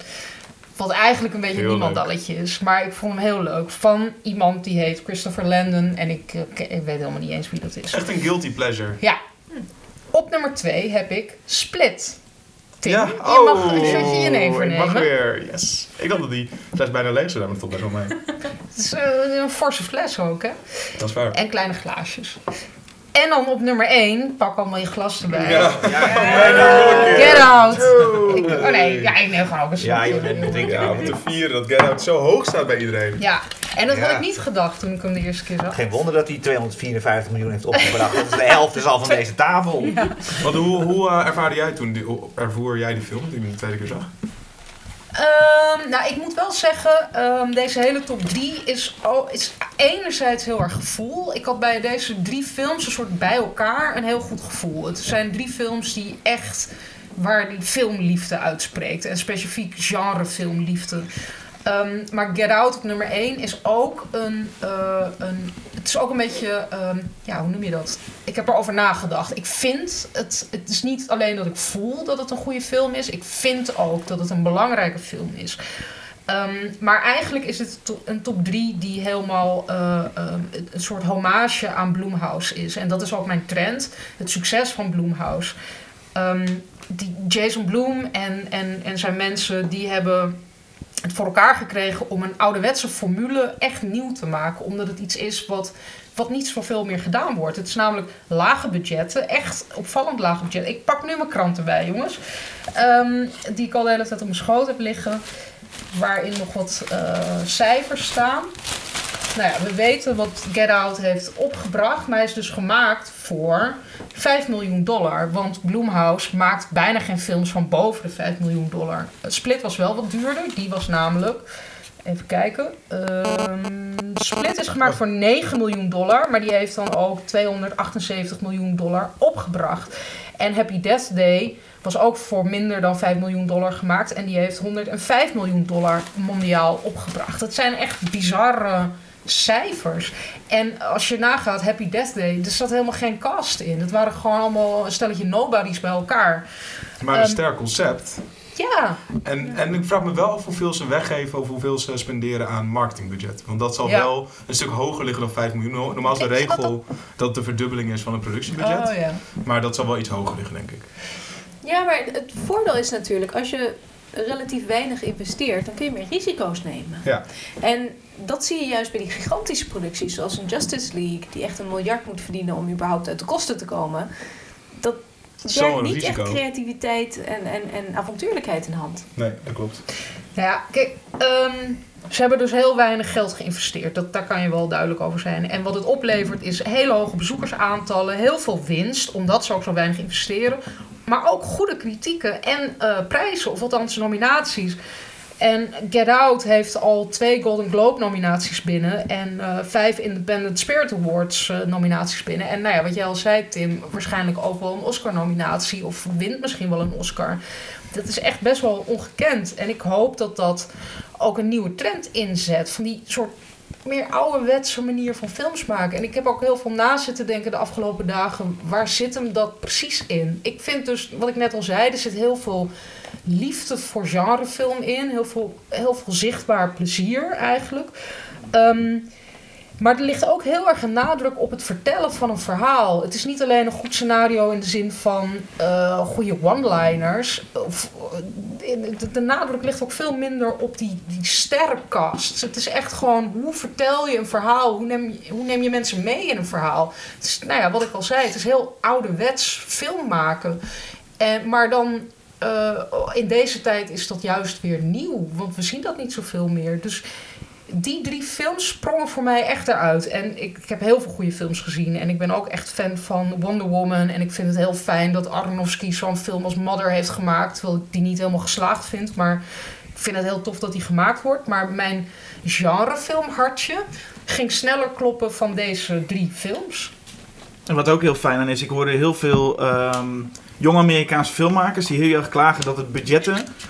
Eh, de laatste jaren, eh, er zijn geen tussenbudgetten meer zoals deze 10 miljoen Ja. films. Die werden bijna Ja. niet meer gemaakt. Het was altijd of 200 miljoen, of kun je het maken voor eh 200.000 euro waar je, of dollar, waar je eigenlijk bijna niks voor kan. En dus eigenlijk is deze, nou ja, de terugkeer van de films van de 5 tot 10 miljoen, is voor heel veel mensen ook een heel fijne gedachte. Ja, nou ja, dit, dit roep ik al heel lang. Dat ik, dat ik mis die films die ertussenin zitten. En Bloomhouse doet dat en scoort daarmee. Nou dat, ik vind het gek. Ik hoop dat die trend zich doorzet. Ja, en ze hebben ook heel veel vertrouwen in jonge filmmakers die echt auteurs zijn. Bijvoorbeeld Damien Chazelle van La La Land. Zijn eerste film Whiplash is ook door Ja, Blumhouse eh, klopt, geproduceerd. Ehm, daarnaast natuurlijk eh, Jordan Peele, die nu zo'n enorme openbaring is. En het gebeurt nu ook al. Kijk, New Line heeft laatst eens in Nederland een korte film gemaakt. Een, eh, van vijf minuten. Die heet The Sweet Tooth. En die eh, regisseur Nico van der Brink, die is dus nu naar Hollywood gevlogen om daar eh, zijn eerste film te maken. Gebaseerd op zijn korte film. Dat, dat zijn best wel, als een, door New Line Cinema. Dat is best, zijn best wel gewaagde keuzes die, die ze maken. Maar wel Ja, enorm maar knap. En daar mogen we best gewaagde trots op zijn. keuze is voor 5 à 10 miljoen veel makkelijker te maken dan een gewaagde keuze voor 200 miljoen. Precies, maar dus daarom dus ook vind ik het ook positief, want het, het leidt tot, tot ja. Ja, en in zee gaan met jonge makers die dus echt al lang over hun idee aan nadenken zijn. Zo'n Happy Death Day, dat, weet je wat je er ook wel vindt, het is een, het is een niemandalletje. En het is een, ehm, een, een film die misschien niet overal geslaagd is. Maar het concept is ijzersterk. Een meisje wordt keer op keer op dezelfde dag wakker en gaat dood, totdat ze haar eigen moordenaar vindt. Ja, het is gewoon heel het is, het is gewoon een hele leuke film. En eh, eh, ja, het is gewoon een whodunit eigenlijk. Het is een nieuwe Ja. versie van de whodunit gemixt met Groundhog Day. Maar daar is het ook, doet ook niet alsof het niet Groundhog Day is. Nee, het is, het is, het is pretentieloos vermaken. Ja. dat is echt heel, dat is ook belangrijk. Ehm, dan eh, gaan we nog eh, naar eh, een laatste top 5. Ja, Kijk even Jasper. Jasper. Ja, hè? Krijgen we niet eerst de uitslag nog? Nou, nee, dan hou ik nog heel veel spanning. Jasper mag eens in onze top 5 doen. Jee, oké. Ik heb eh, een eh, top 5. Ik ga vooraf even zeggen dat ik eh, Coco eigenlijk in mijn top 5 had willen hebben. Ik hoor, ik hoor het nu van jou. Ik dacht, het is niet echt schokkend nieuws, dus ik doe het niet. Anders had hij er zeker in gezeten. Dus Ja. je moet ook een half shotje nu nemen. Oh ja, dat heb, Oh. dat heb ik wel beloofd. Ja. Ja. Dat vind ik ook. Maar heel, nee joh, helemaal op. Oh, ik heb al zoveel gehad. Het is lekker. Ja, het is wel heel lekker.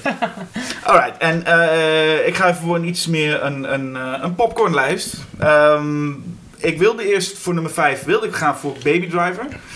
Ehm, maar toen bedacht ik me ineens dat ik het einde best wel dom vond. Dus toen heb ik het maar niet gedaan. Ehm, Goeie overweging. ja, want, nee, gewoon, ik, ik wilde het zo graag omdat ik ook een groot Edgar Wright fan ben. Ja, maar ik toen dacht ik ineens... Nee, maar wel mee eens. Zeg maar, de opening, de eerste 10 minuten, zo sterk wordt de rest van de film ne- nergens meer. Nee. Nee, en zeker het einde wordt, gewoon eigenlijk steeds iets dommer. En toen dacht ik, oh, dat einde had, had niet gemoeten. Toen dacht ik, ja, dan gun ik het hem niet helemaal om in mijn nummer 5 te staan. Dat is toch belangrijk. Toen dacht ik, wie gun ik het wel? Toen dacht ik, nou, dan geef ik hem aan Spider-Man. Met Spider-Man Homecoming. Dat is een Eh, leuke film. De, leuk vind, ik vind het ook de beste Spider-Man. ehm, tot Ja. dusver. Dat snap ik wel. Ja. En dat, eh er zijn er meerdere mee oneens. Zo, jullie en ik zullen nog... eh, Oh. Ja. Ja, ja, daar gaan wij nog over ruzie maken. ja, ergens, ergens volgend jaar zal er een podcast komen waarin het, eh, de Spider-Mans, twee Spider-Mans tegen elkaar gaan opnemen. En, En verdedigt Julius dan Spider-Man 2 met Doc Ock? Welke, welke, anders? Ja, ik wou zeggen, er blijft er niet heel veel over. Maar ik vond het, ik vond het een, eh, gewoon een leuke, kleurrijke, gezellige film. Ik dacht, nou, die mag Baby Drive wel eh, opvolgen. Wat nog veel kleurrijker, nog veel leuker was, eh, was Thor Ragnarok. Dus die zit voor mij op 4. Ik ben een heel groot liefhebber van eh, Taika Waititi als, als, als regisseur ook. Ik vind het Als mens. als mens, ik, ik vind elk interview wat ik met hem zie, ik, ik vind het waar. Er heel warm van. Ik word er helemaal warm van, inderdaad. Die, die, die, ook zijn personage in, in Thor Ragnarok is zo fantastisch. Ja, maar dat is het beste uit die hele film. Ja. Ja. Wat mij betreft. Het is een van. Ja, maar ik, ik was eh, sowieso gewoon heel. Ik vond het een hele fijne film. Omdat ik. Thor is echt de meest saai, de saaiste oedlul uit, uit de MCU. En dat er zo'n leuke film uit voortkwam. De vorige film van Thor was de slechtste ooit. Maar wat, ja, want ik, ik heb nog nooit een Thor film gezien. Ik ben zo wel, zo even heel eerlijk zijn. Ja. Kan ik nu deze wel kijken zonder die andere te hebben gezien en hem toch nog leuk vinden? Ja, is het zo'n drastische verandering van toon? Ja, als je, als je de Thor The Dark World hebt, dat is echt de meest Mag waardeloze. ik even in de bres springen voor de Thor-films? Oké, kom maar op. Ja, Dit is eh Ook voor Thor- versus voor. The Dark ook World? voor Thor 2. In Thor 2 Ja, nee, Stap Thor even 2. achteruit. Eén ding ben ik het mee eens. Thor 2 heeft zo'n beetje de slechtste villain van de MCU. En dat zegt veel, want ze hebben heel veel slechte villains. Nee, dit is echt, die, En- die, die elf is echt Ja. het meest waardeloze wat er rondloopt. Mee eens. Maar qua actie is hij bij de top 5, denk ik, van het MCU. Want het weet echt wat inventiefs te doen. En weet je wat het is? Thor is ook het meeste gericht op vrouwen, heb ik het idee. In ieder geval, elke film zit echt een liefhebbend shot in... waarin een Thor ontbloot is en de camera daarop krijgt. En Taika Waititi die maakt er ook heel mooi gebruik van... want die laat dat shot zo lang doorgaan vanuit zoveel hoeken... dat het haast een grap wordt. Maar het heeft ook iets heel sympathieks, vind ik, die Thor-films. Want Thor is altijd... Ja, hij is wel inconsistent, maar hij is een fish out of the water. Zoals Natalie Portman, die zelf daar niet wilde zijn en niemand wilde dat ze daar was. En, Ja, maar je hebt wel Darcy. En wat is daar goed aan? Die is grappig. Eh, Oké. Dat is een beetje alsof je zegt dat Jar Jar Binks grappig Ja, dat- is. Sorry, maar voelt dat voor mij een beetje. En de blote kont van Stellan Skarsgård kon ik ook zonder. Dus ik, ik nee. Oh? Ja, die kan er niet zonder. Nee, precies. Bovendien, die zit al in heel veel eh, films van hoge kwaliteit. Die komt van Stellan Skarsgård. Dus ja, daarom. Dus dan Dat is waar, Dark ja. World Kunnen we een leuke compilatie Die maken. eh, Laat ik het zo zeggen. Thor The Dark World is niet slechter dan Iron Man 2 of Avengers als Age of Ultron. Dan ben ik het... Ben ik het niet mee Ik, eens? weet- ik heb die hele film niet gezien. Doe doe. Ik het niks ermee eens. Neem jij nog maar een shotje. Clutching his pearls. Voor mij is dat één soort eh, moeras, al die films. Ik, ik kan het onderscheid niet maken. Nee, ik ook niet. Ik vind wel trouwens, wat ik leuk vind aan Thor, is dat ze in de films, in de strips is Thor gewoon, voor wat, van wat ik hoor, een, een beetje een, eh, een, een saaie superheld. Maar in de, in- die ook helemaal niet zo trouw is aan de oorspronkelijke mythes. Maar in de films zit hij veel dichter bij de mythologie. Is het ook gewoon een, een soort dronken, Oké. domme lul. Ja, laat ik mijn laatste, laatste Oh, punt ja. over Thor. Ja, ja, ja, ja, laatste punt over Thor. Wat ik er eigenlijk fantastisch aan vind, is dat ik Thor Ragnarok was het bewijs dat Marvel toch, en daar hebben we het met Edgar Wright eigenlijk over, die eh, Marvel wilde geen Edgar Wright film maken, dus Ant-Man werd een beetje een, dom product. En met Thor Ragnarok laten ze zien dat ze dus wel een regisseur gewoon de vrijheid geven. En dat vind ik heel fijn, dat je bij Thor Ragnarok ziet, oh, dit is echt een ander soort film dan ze eerder hebben gemaakt. Ze laten de regisseur dus eindelijk een beetje los. Ja, maar er is wel een betere film van Taika Waititi uitgekomen dit jaar. De... Hunt for the Wilder People. Die is, toch van, die echt is toch van vorig jaar geloof Nee, ik is toch? dit jaar in Nederland uitgekomen. En, Ja, en eh, een, Oh, een hele kleine release, eh, een beetje... eh, Oh, ik dacht dat die echt van vorig jaar was. Maar akkoord, maar dan nog... eh, nou ja, la- laten we doorspringen naar eh, nummer drie. Okja. Er moeten een paar... Ja, moeten we, Hedwig. eh, Ik sta zo ontzettend droog. Ah, ja, hè? Er moet wat meer. Maar Erik, jij bent zo'n vreemde eend in de bijt. Niemand Star Wars, kom op mensen. Ja, maar die Star Wars. Star-. Die hebben we nog niet gezien. Oké. Okja, En wat, vond je daar- wat vond je daar nou zo bijzonder aan? Eh, Over een varken. ik vond dat... dat eh, ik, ik, ik wist niet of ik het pikte in het begin, maar een, een Jake Gyllenhaal die als een soort Freek Vonk on crack rondloopt. Oh ja. Dat ik echt dacht Dat is van, wel heel dit, gaaf, dit is ja. zo idioot dat ik het ergens heel leuk vind. Het is een soort, deels is het een soort live-action Ghibli film. Maar het is eh, ook het is gewoon een hele leuke satire. En het, het, het is satire op de, de vleesindustrie. Maar ergens ook de, de, de demonstranten werden niet heel erg de hemel in geprezen. Want het zijn ook een beetje sulletjes. En er is eentje die gewoon niet meer wil eten. Omdat alles schijnbaar wel slecht is. En ik dacht, oh gelukkig wordt alles gewoon een beetje belachelijk gemaakt. Het is één gekke poppenkast. Wat Snowpiercer ook een beetje had. En wat ik heel grappig vond is dat Tilda Swinton erin zit. En die speelde bijna subtiel in vergelijking met Jake Gyllenhaal. Ja, ja, ja. ja. En dat was heel bijzonder. Eh, en ik weet dat er heel veel mensen ook zijn die dat niet vonden, of die, die vonden het echt te ver gaan. Maar ik vond het heel fijn. En de film was een mix van twee dingen waarvan ik dacht, ik wist niet dat het samen kon. Maar het kon wel samen. En dan bedoel je een fantasy element en... Nou, een soort van hele mooie subtiele Ghibli-film bijna. Ja. Met een meisje en, en een haar vreemde eh, plofvarken. En daarnaast gewoon echt een complete gekke kermis met alles erop en aan. En alle toetsen Ja. en bellen. En ontroerend ook. Ja. Nummer twee. eh, Transformers The Last Night natuurlijk. Niet. Nee, de- dit is... Oh, eh schrok iemand ook nog echt. Ja. Maar ik Nee, dacht misschien eh, als een soort statement. Verslikt in mijn glaasje. voor ehm, Get Out, dus. Oh! Ja, Gaan we- gelukkig. Oh, echt? En volgens mij hoeft daar niet echt veel meer over gezegd te worden dan eh, al gezegd is, denk Ja. ik.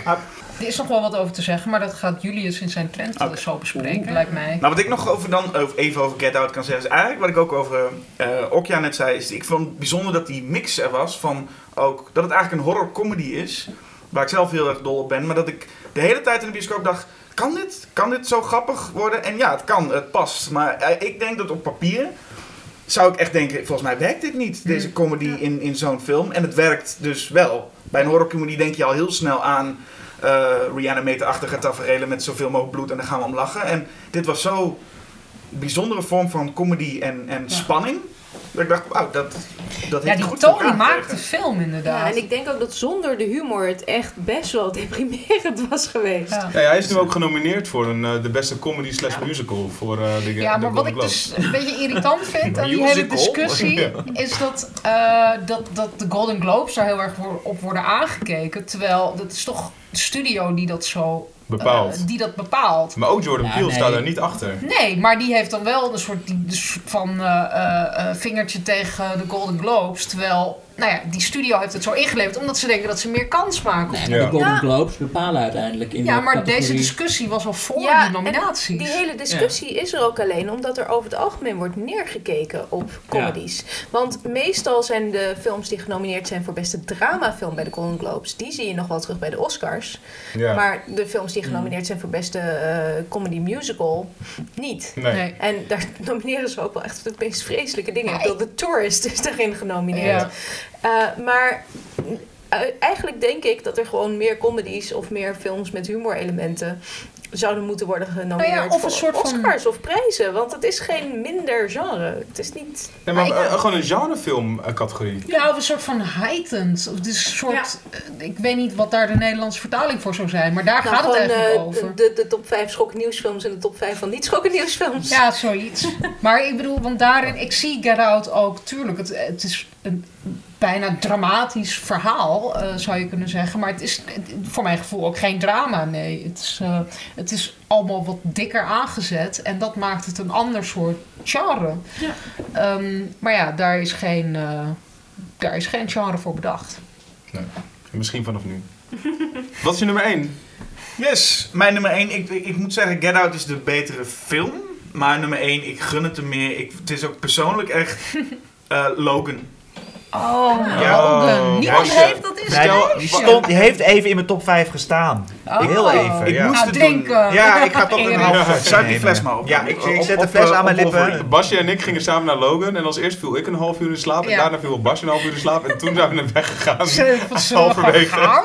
Ja, we gaan gewoon. We hebben geen zin meer. Waarom moeten we blijven? Ik vind het stom. Nou ja, daarom ben ik hier nu om op Ja. nummer 1 toch deze een beetje... Goed door Jasper. Ja, toch? Ja. Mag wel. Nee, eindelijk worden de, de, de klauwen van, van Wolverine gebruikt waar ze voor bedoeld zijn. Precies. En ehm, Preach. ik, ik, je moet er toch niet aan denken dat je als een acteur als Hugh Jackman zo'n rol hebt neergezet. En dat je laatste film The Wolverine is. Oh, of eh, je laatste optreden was X-Men Apocalypse. Dan ben je, nou ja, dat, dat gun je niemand. Nee. En eh, daarom ben ik heel blij dat deze film er gemaakt werd. Eh, het is een film die ook iets meer een, een film met R-rated. En dat betekent niet alleen maar meer geweld.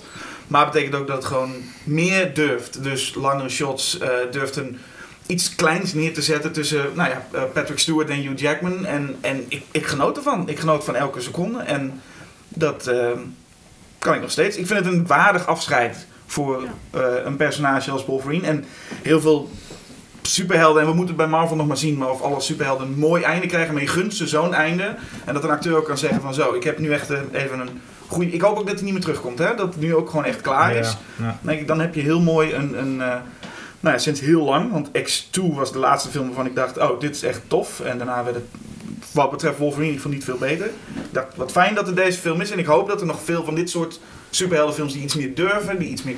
eh Net als eigenlijk, te zijn. eigenlijk wil je dus dat, net als origin stories, eh, dat er eigenlijk een soort van exit stories zijn van Ja. bepaalde Ik superhelden. denk dat het heel goed lijn. is. Ik denk dat het voor heel veel. Ik denk dat. Nee, DC moet volgens mij gewoon nu meteen beginnen met heel veel exit eh, stories.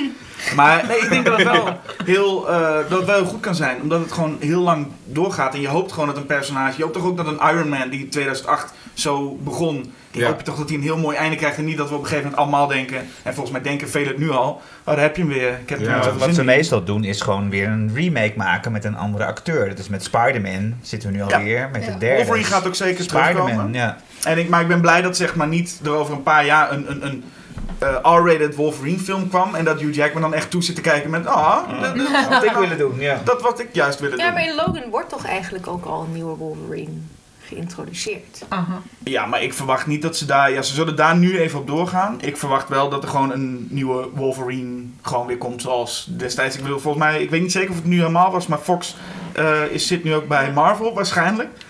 En Dus wordt de de kans is volgende dan groot wel dat- lekker kort, zoals hij hoort te zijn? Wat zeg je? Ja, Hugh Jackman was veel te lang voor Wolverine. Verder was hij perfect. Maar, eh, Oh, dat had ik, nee, ik, ik, ik ben ook geen stripfan, dus ik heb daar ook, had daar ook helemaal geen probleem mee. Want dan had hij ook in geel eh, spandex moeten zitten, toch?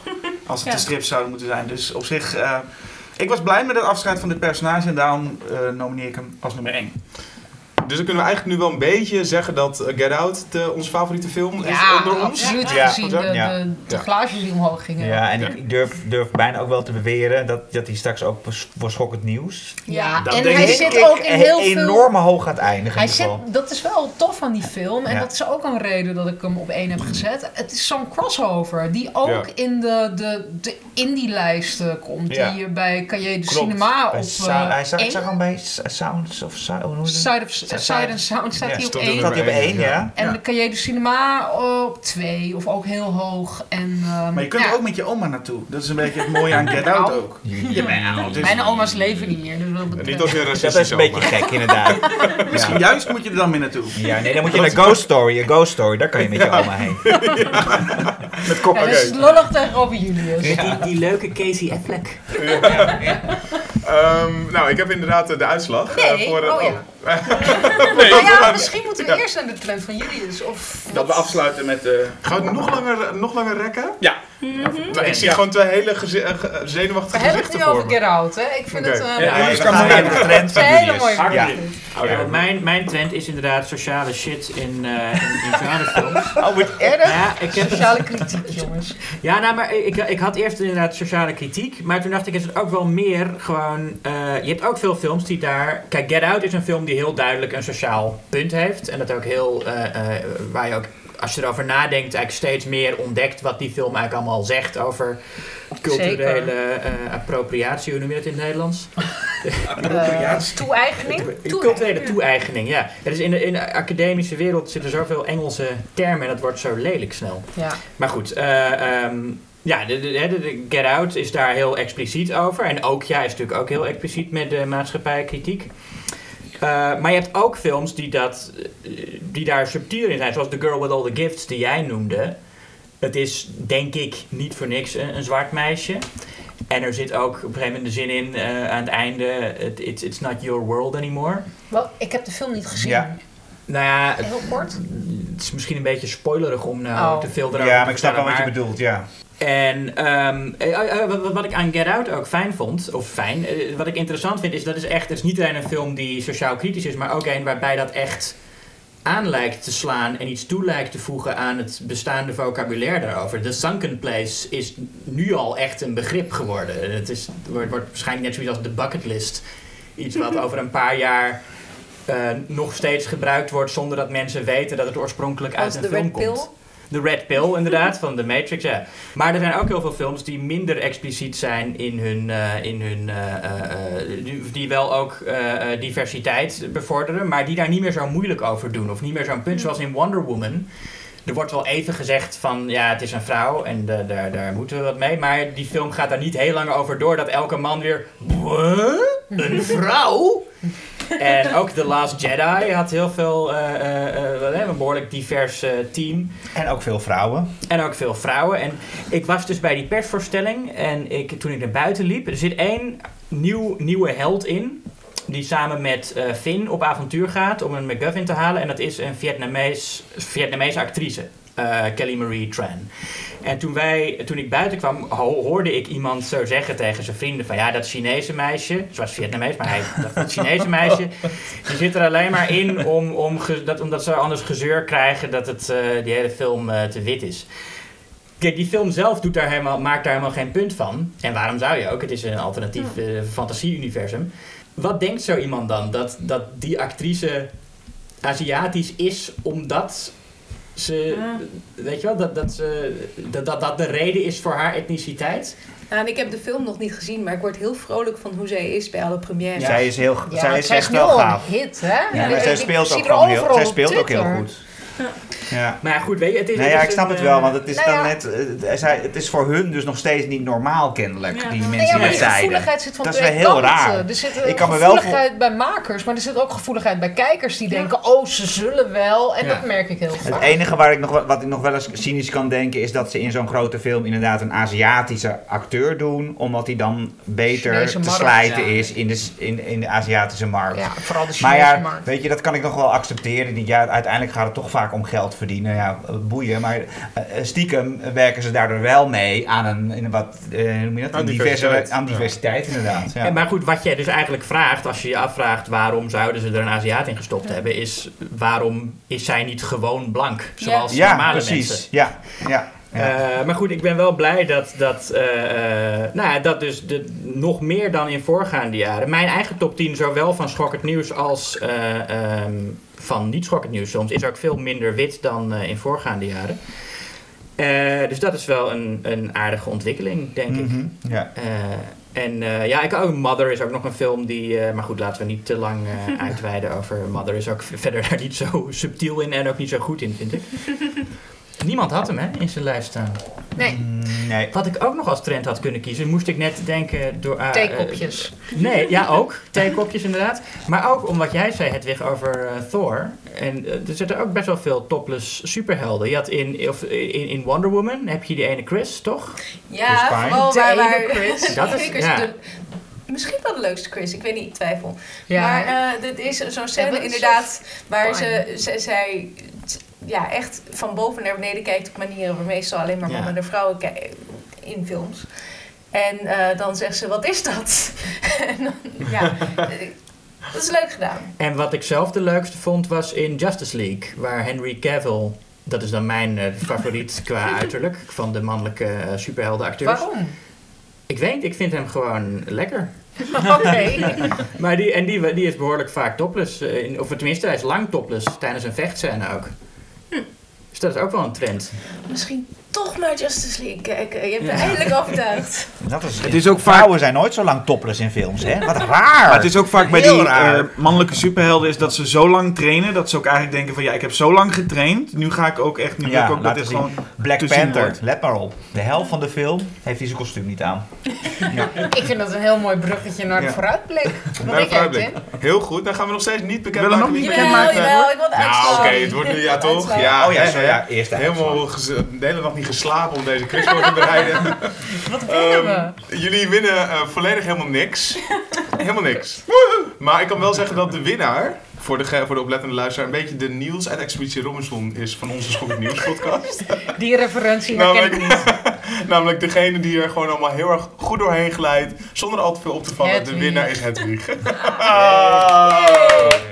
Want, Wat was het nou? Ja, oh ja, de vraag was natuurlijk eh, hoeveel eh, takes heeft Edgar Wright gedaan over de openingsscène van Baby Driver? 28. Oh. en take nummer 21 is uiteindelijk gekozen. Ik dacht, hij heeft gewoon in één keer erop gezet. Ja, het is wel heel knap. En Stanley Kubrick denkt nu van, naam, amateur. Ja. Eh, ik zat er ook vrij ver vandaan. Maar minder ver dan Basje. Dus Je had, dat je had, hoeveel had je? Vijf. Vijf. Nou ja, goed. Basje dacht één. Ja, Ehm, Ja, ik ik dacht, weet daarom is dat nieuwtje naar buiten gekomen, omdat Ja, het gewoon ja. maar één take was. Ik dacht, Russian Ark hebben ze een drie keer erop gekregen. Dat moet niet. Nee, dat kan niet. Ja, Victoria maar dat volgens mij ook zo'n die vijf keer. En dan gaan we nu verder naar eh, waar we naar uitkijken in 2018. En ik stel voor, omdat we al zo lang bezig zijn. Basje, gooi je nou weer wat om? Nee, nee, juist eh, heel expliciet niet. Eh, aangezien we al zo lang bezig zijn met deze hartstikke gezellige uitzending en we zitten allemaal nog verticaal, dat vind ik al best wel wat, ehm, gaan we met de klok een rondje mee. En dan krijgt iedereen 20 seconden om een vurig pleidooi te houden over de film waar jij het meest naar uitkijkt in 2018. En ik ga je afkappen. Erik, we beginnen bij jou. Jouw film is The Predator. Go. Eh, ja, oh god. Ja, ik, ik kijk naar zoveel uit. Maar dus onder andere The Predator. Want de eerste Predator is een van mijn favoriete actie science fiction films. Eh, ook een van mijn favoriete zijn uh, Schwarzenegger films. En waarvoor ik er... Waar, waar, waar- oh, ik loop vast. Ik nog? je hebt nog 15 Oh, seconden. ik kijk er vooral naar uit omdat Shane Black hem regisseert. en dat hij geschreven is door Ja. Shane Black en Fred Dekker. Ja, Ja, daarom yes. dus. Dit, dat snap ja. ik helemaal. Ja. Ja. Ja. Ja. Nou, klaar. Ja. ja. ja, wint de tijd. Oké, dan komt nu eh, Hedwig. En Hedwig gaat het hebben over The Shape of Water. Ja, dat is de nieuwe film van Guillermo del Toro. En ik beloofde dat ik nog iemand eh, zou zeggen dat het een betere production designer is dan een verhalenverteller. Nou, Oh, ja. dat is voor del Toro wel waar. Maar hier schijnt hij ook nog eens een sterk verhaal te hebben verteld. Ik vind eh, Crimson Peak over een ondergewaardeerde klassieker is heerlijke pulp. En ik hoop dat dit verhaal over een vrouw die verliefd wordt op een zeemonster. Ook eh, met Michael Shannon als een slechterik bovendien. Dat dat ook een eh, heerlijke pulpfilm wordt. Eh, dan gaan we nu door naar Basje. Basje die gaat het hebben over... Oh, nee, niet op de andere pagina. Dat staat over Early Man of over Black Panther. Ja, nou, Early Man wilde ik alleen even noemen. Dat is ook niet heel schokkend nieuws, maar het is wel Aardman. En ik hou van Aardman. Maar ik vond die teaser, of die trailer, ik weet niet meer wat het was, die vond ik niet... Die vond, nou, vond niet zo goed. Maar hetzelfde kan ik zeggen over Black Panther. Waar ik wat ik, die ik dan wel explicieter wil noemen. Als waar ik naar uitkijk van Ryan Coogler. eh, nieuwe Marvel film. Ehm, die trailer vond ik ook eigenlijk helemaal niet zo boeiend. Dus je kijkt eigenlijk ik kijk nergens helemaal nergens naar uit. Nee, maar wat ik, wel, wat ik dan lees over Black Panther. Nee, ho, ho, stop de tijd. Oké, kom ja. Nee, eh, ik vind het wel interessant. Het is natuurlijk, nou, waar we het net al over hadden. Het is eh, een zwarte superheld. Nou, dat, dat vind ik al heel boeiend. Als je die poster ziet, gewoon alleen maar zwarte mensen. Dat, is, dat, dat zien we niet. Niet bij een superheldenfilm. Dat is bijzonder. En dat ligt in het verlengde van Get Out en Wonder Woman. En het schijnt ook eh, heel duister en gritty te zijn. eh, al helemaal voor een Marvel-film. En daar ben ik heel benieuwd naar. En die Coogler die heeft eerder Fruitvale Station en Creed gemaakt. Dus die heeft ook wel dat bewustzijn. Ja, oké. Nou, dat was precies 20 seconden, toch? ja, precies 20 seconden. Goed de tijd. Eh, Jasper, je krijgt, eh, je krijgt er 20 eh, vanaf nu. En jij gaat het hebben over The Avengers Infinity War. Ja, we bouwen er nou al zo lang naartoe. Al tien jaar zitten we in het MCU. En sinds 2012 Avengers zijn we er naartoe aan het werken. En de Russo Brothers gaan het maken. Alle superhelden bij elkaar. En de Russo Brothers maakten The Winter Soldier. Wat de beste MCU-film ooit is. Dus dan denk ik dat het wel goed komt. Laten we maar zien wat er gaat gebeuren. Hopelijk gaan er een paar mensen gewoon dood. Jezus, 20 seconden! Daar kijk jij naar uit, dat wil die mensen doodgaan. Eh, ergens wel, ja. Deze man houdt wel spelletjes volgens mij. Gewoon binnen de tijd. Toch? Ja. Eh, Julius eh, die gaat, het, eh, gaat het nu hebben over Incredibles 2. Ja, de, de, nou ja, het vervolg op de beste superheldenfilm ooit gemaakt, Incredibles. En de terugkeer van Brad Bird bij Pixar. En Brad Bird heeft al de beste Pixar-film ooit gemaakt, Ratatouille. En ook een van de beste animatiefilms, eh, eh, period, eh, Iron Giant. Ehm, ja, ik weet verder niet waar Incredibles 2 over gaat, want ik, ik zoek dat soort dingen nooit op. Ik, eh, ik zie het allemaal wel. gezien? Nee, ik Oh. kijk bijna nooit trailers. Nee, ik, ik ben niet zo van al die shit opzoeken als ik een film eh, wil zien. Ik, ik weet gewoon wie het, wie het gemaakt heeft. Ik ken de regisseur en dat is voor mij eh, wel voldoende meestal. Soms is het omgekeerd. Dan zie je een trailer en daardoor ga je ernaar uitkijken. Ja, nou goed, ik zie trailers natuurlijk wel in de bioscoop en dan eh, gebeurt dat wel, maar Niet van Incredibles 2. Dan ga je niet met handen voor je ogen zitten. En, eh, nee, zo ben ik dan ook weer niet. Tim, Oké, ik heb het 20 uiteraard... seconden. Ga, eh, 20 seconden. Ik heb het gaat uiteraard hebben over Halloween. Er komt een nieuwe Halloween van David Gordon Green. eh, geschreven door Danny McBride. Weirdly enough. Eh, en eh, het is van Jason Blum. Eh Blumhouse heeft deze gemaakt. Jamie Lee Curtis zit er weer in. Ja, dit, dit is één groot recept voor een, eh, voor een hit. Eh, en dan nog eventjes kort. eh, de Tragedy Girls. Over twee meisjes die bekend willen worden op Instagram. Dus eh, andere grote Instagram fans gaan vermoorden. Lijkt mij heel erg leuk. Een nieuwe slasher. Wel geestig dat je niet noemt dat John Carpenter toch ergens betrokken is bij die Oh, nieuwe ja. Halloween. Ja, die gaat, die gaat een soort van de muziek doen. Ja, een soort van Ja. muziek. Hij heeft dan een idee wat voor Ja. iets die gaat doen. Ja, Maar dat is het toch? En, Nou en, hij- hij is- en, hij en is producent. betrokken. Hij is Ja, creatief creatief. Hij is Gewoon een soort van betrokken. Enorm betrokken. Ja. Nou, het schijnt wel zo te zijn dat ze geen beslissingen nemen zonder John Carpenter te betrekken. Hè, Het hem te vertellen. En ik ben benieuwd wat het budget van deze film is. Dat Blumhouse alles onder de 5 miljoen eh, houdt. Ja, Dan mag ik hopen dat dit... eh, s- splitsachtig budget misschien. Ja. Hoeveel geld heb je nodig voor een slasher met een man met een masker? Ja, Ja, misschien ja, alles vind Jamie Lee Curtis. Vind ik ook. Ja, Jamie Lee. Curtis die wil een eigen trailer en een, eh, en een paars M&M's. Een, een, eigen trailer, dat, een eigen trailer, dat is ook niet een heel bijzondere eis. eh, van Jamie Lee Curtis. Een eigen trailer, die diva's. Niet gewoon de trailer delen met het V. Met alle slachtoffers. Ik zal ik nog even wat release data noemen, zodat Ja. we het echt even in onze Ja, wat vind ik allemaal al deze films zo uit, Basje? Nou, The Shape of Water komt 15 februari al uit. Avengers Infinity War Part 1. Nee, het is niet- inmiddels niet meer part one. Oh, sorry. Oh, ja, maar waar? het is maar de helft film. van het verhaal, toch? Het is gewoon één film, maar de volgende heet gewoon Avengers Anders. 4. En misschien gaat hij nog een andere titel, maar ze gaan het niet meer part 1 en part 2 noemen. Oké. 25 april komt die uit. The Predator komt uit op 2 augustus. Tenminste, volgens IMDb in Nederland is dat nog niet echt bekend. Ehm, dan Early Man 7 februari. Black Panther 14 februari. Leuke Valentijnsfilm. Halloween 1 november. Tragedy Girls. Na Halloween. Gaat, ja, Wacht even, er gaat hier, gaat hier even iets mis nu. Ja. ja, dat is Ik, dan ga, waarschijnlijk ik bel. Carpenter wel even. Tragedy Girls heeft geen eh, release datum, dus komt wellicht helemaal niet uit in Nederland. Tim, doe er wat aan. En Incredibles 2 komt uit op 27 juni. Ehm, dan gaan we... eh, nou, we gaan naar de afsluiting. Ja, hoe, voelen, hoe voelen jullie je?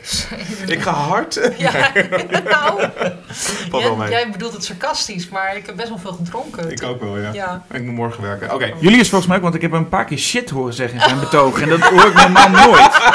Jullie is zo wel bespraakt. Ja, nou ja, eh, eh, sorry. ja. Ja. Nee, ik, vind, ik vind het oké. Ja, ik denk concluderen, het was een mooi filmjaar. En ik heb ook van deze top 5 weer heel erg zin gekregen om weer allerlei films in te halen. Ja, Ik klopt. ook. Ik- Ja, precies ik ook. hetzelfde inderdaad. Ja. Zeker weten. Eh Basje, vertel eens wat er de volgende maand Ik is. ga nog wat informatie op jullie gooien. Ehm, sowieso wilde ik eerst noemen, luister vooral naar eh, de onze eh, zusjes eh, podcast. Ik weet niet hoe je dat moet noemen. Eh, Julius versus Jasper. En er is nu net een nieuwe uit King Kong versus Jaws, als ik het goed zeg. Nee, die is, nou, is, nee, die is nog niet uit. Die komt nog. Op het moment dat mensen dit horen, is die net uit. Nee. Nee. Daar hebben ze, Oh. daar hebben ze nu de, daar hebben ze Op nu het de moment dat mensen dit horen, hebben we er eentje met eh, de Star Wars prequels versus The Hobbit. Ja, die heb ik vorige keer Maar die genoemd. staat, die, ja, die staat Die kan je sowieso luisteren.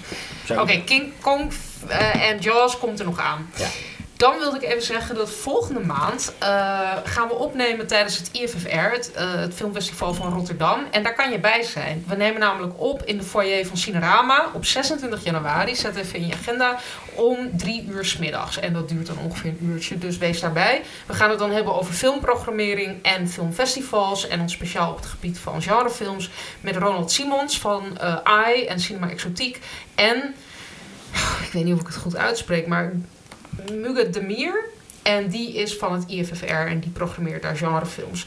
Ehm, en eh, ik wilde nog even opnieuw noemen dat elke laatste donderdag van de maand komt deze podcast online. Maar de komende keer zal dat net iets anders zijn. Dan gaan we namelijk op 1 februari online. Dus dan zijn we net even iets eh, later. Ehm Schok het Nieuws magazine is ook uit. Gaat dit keer over true crime en seriemoordenaars. En ik wilde nog zeggen, je kan ons benaderen via Twitter, Facebook, Instagram en via podcast.schokhetnieuws.nl.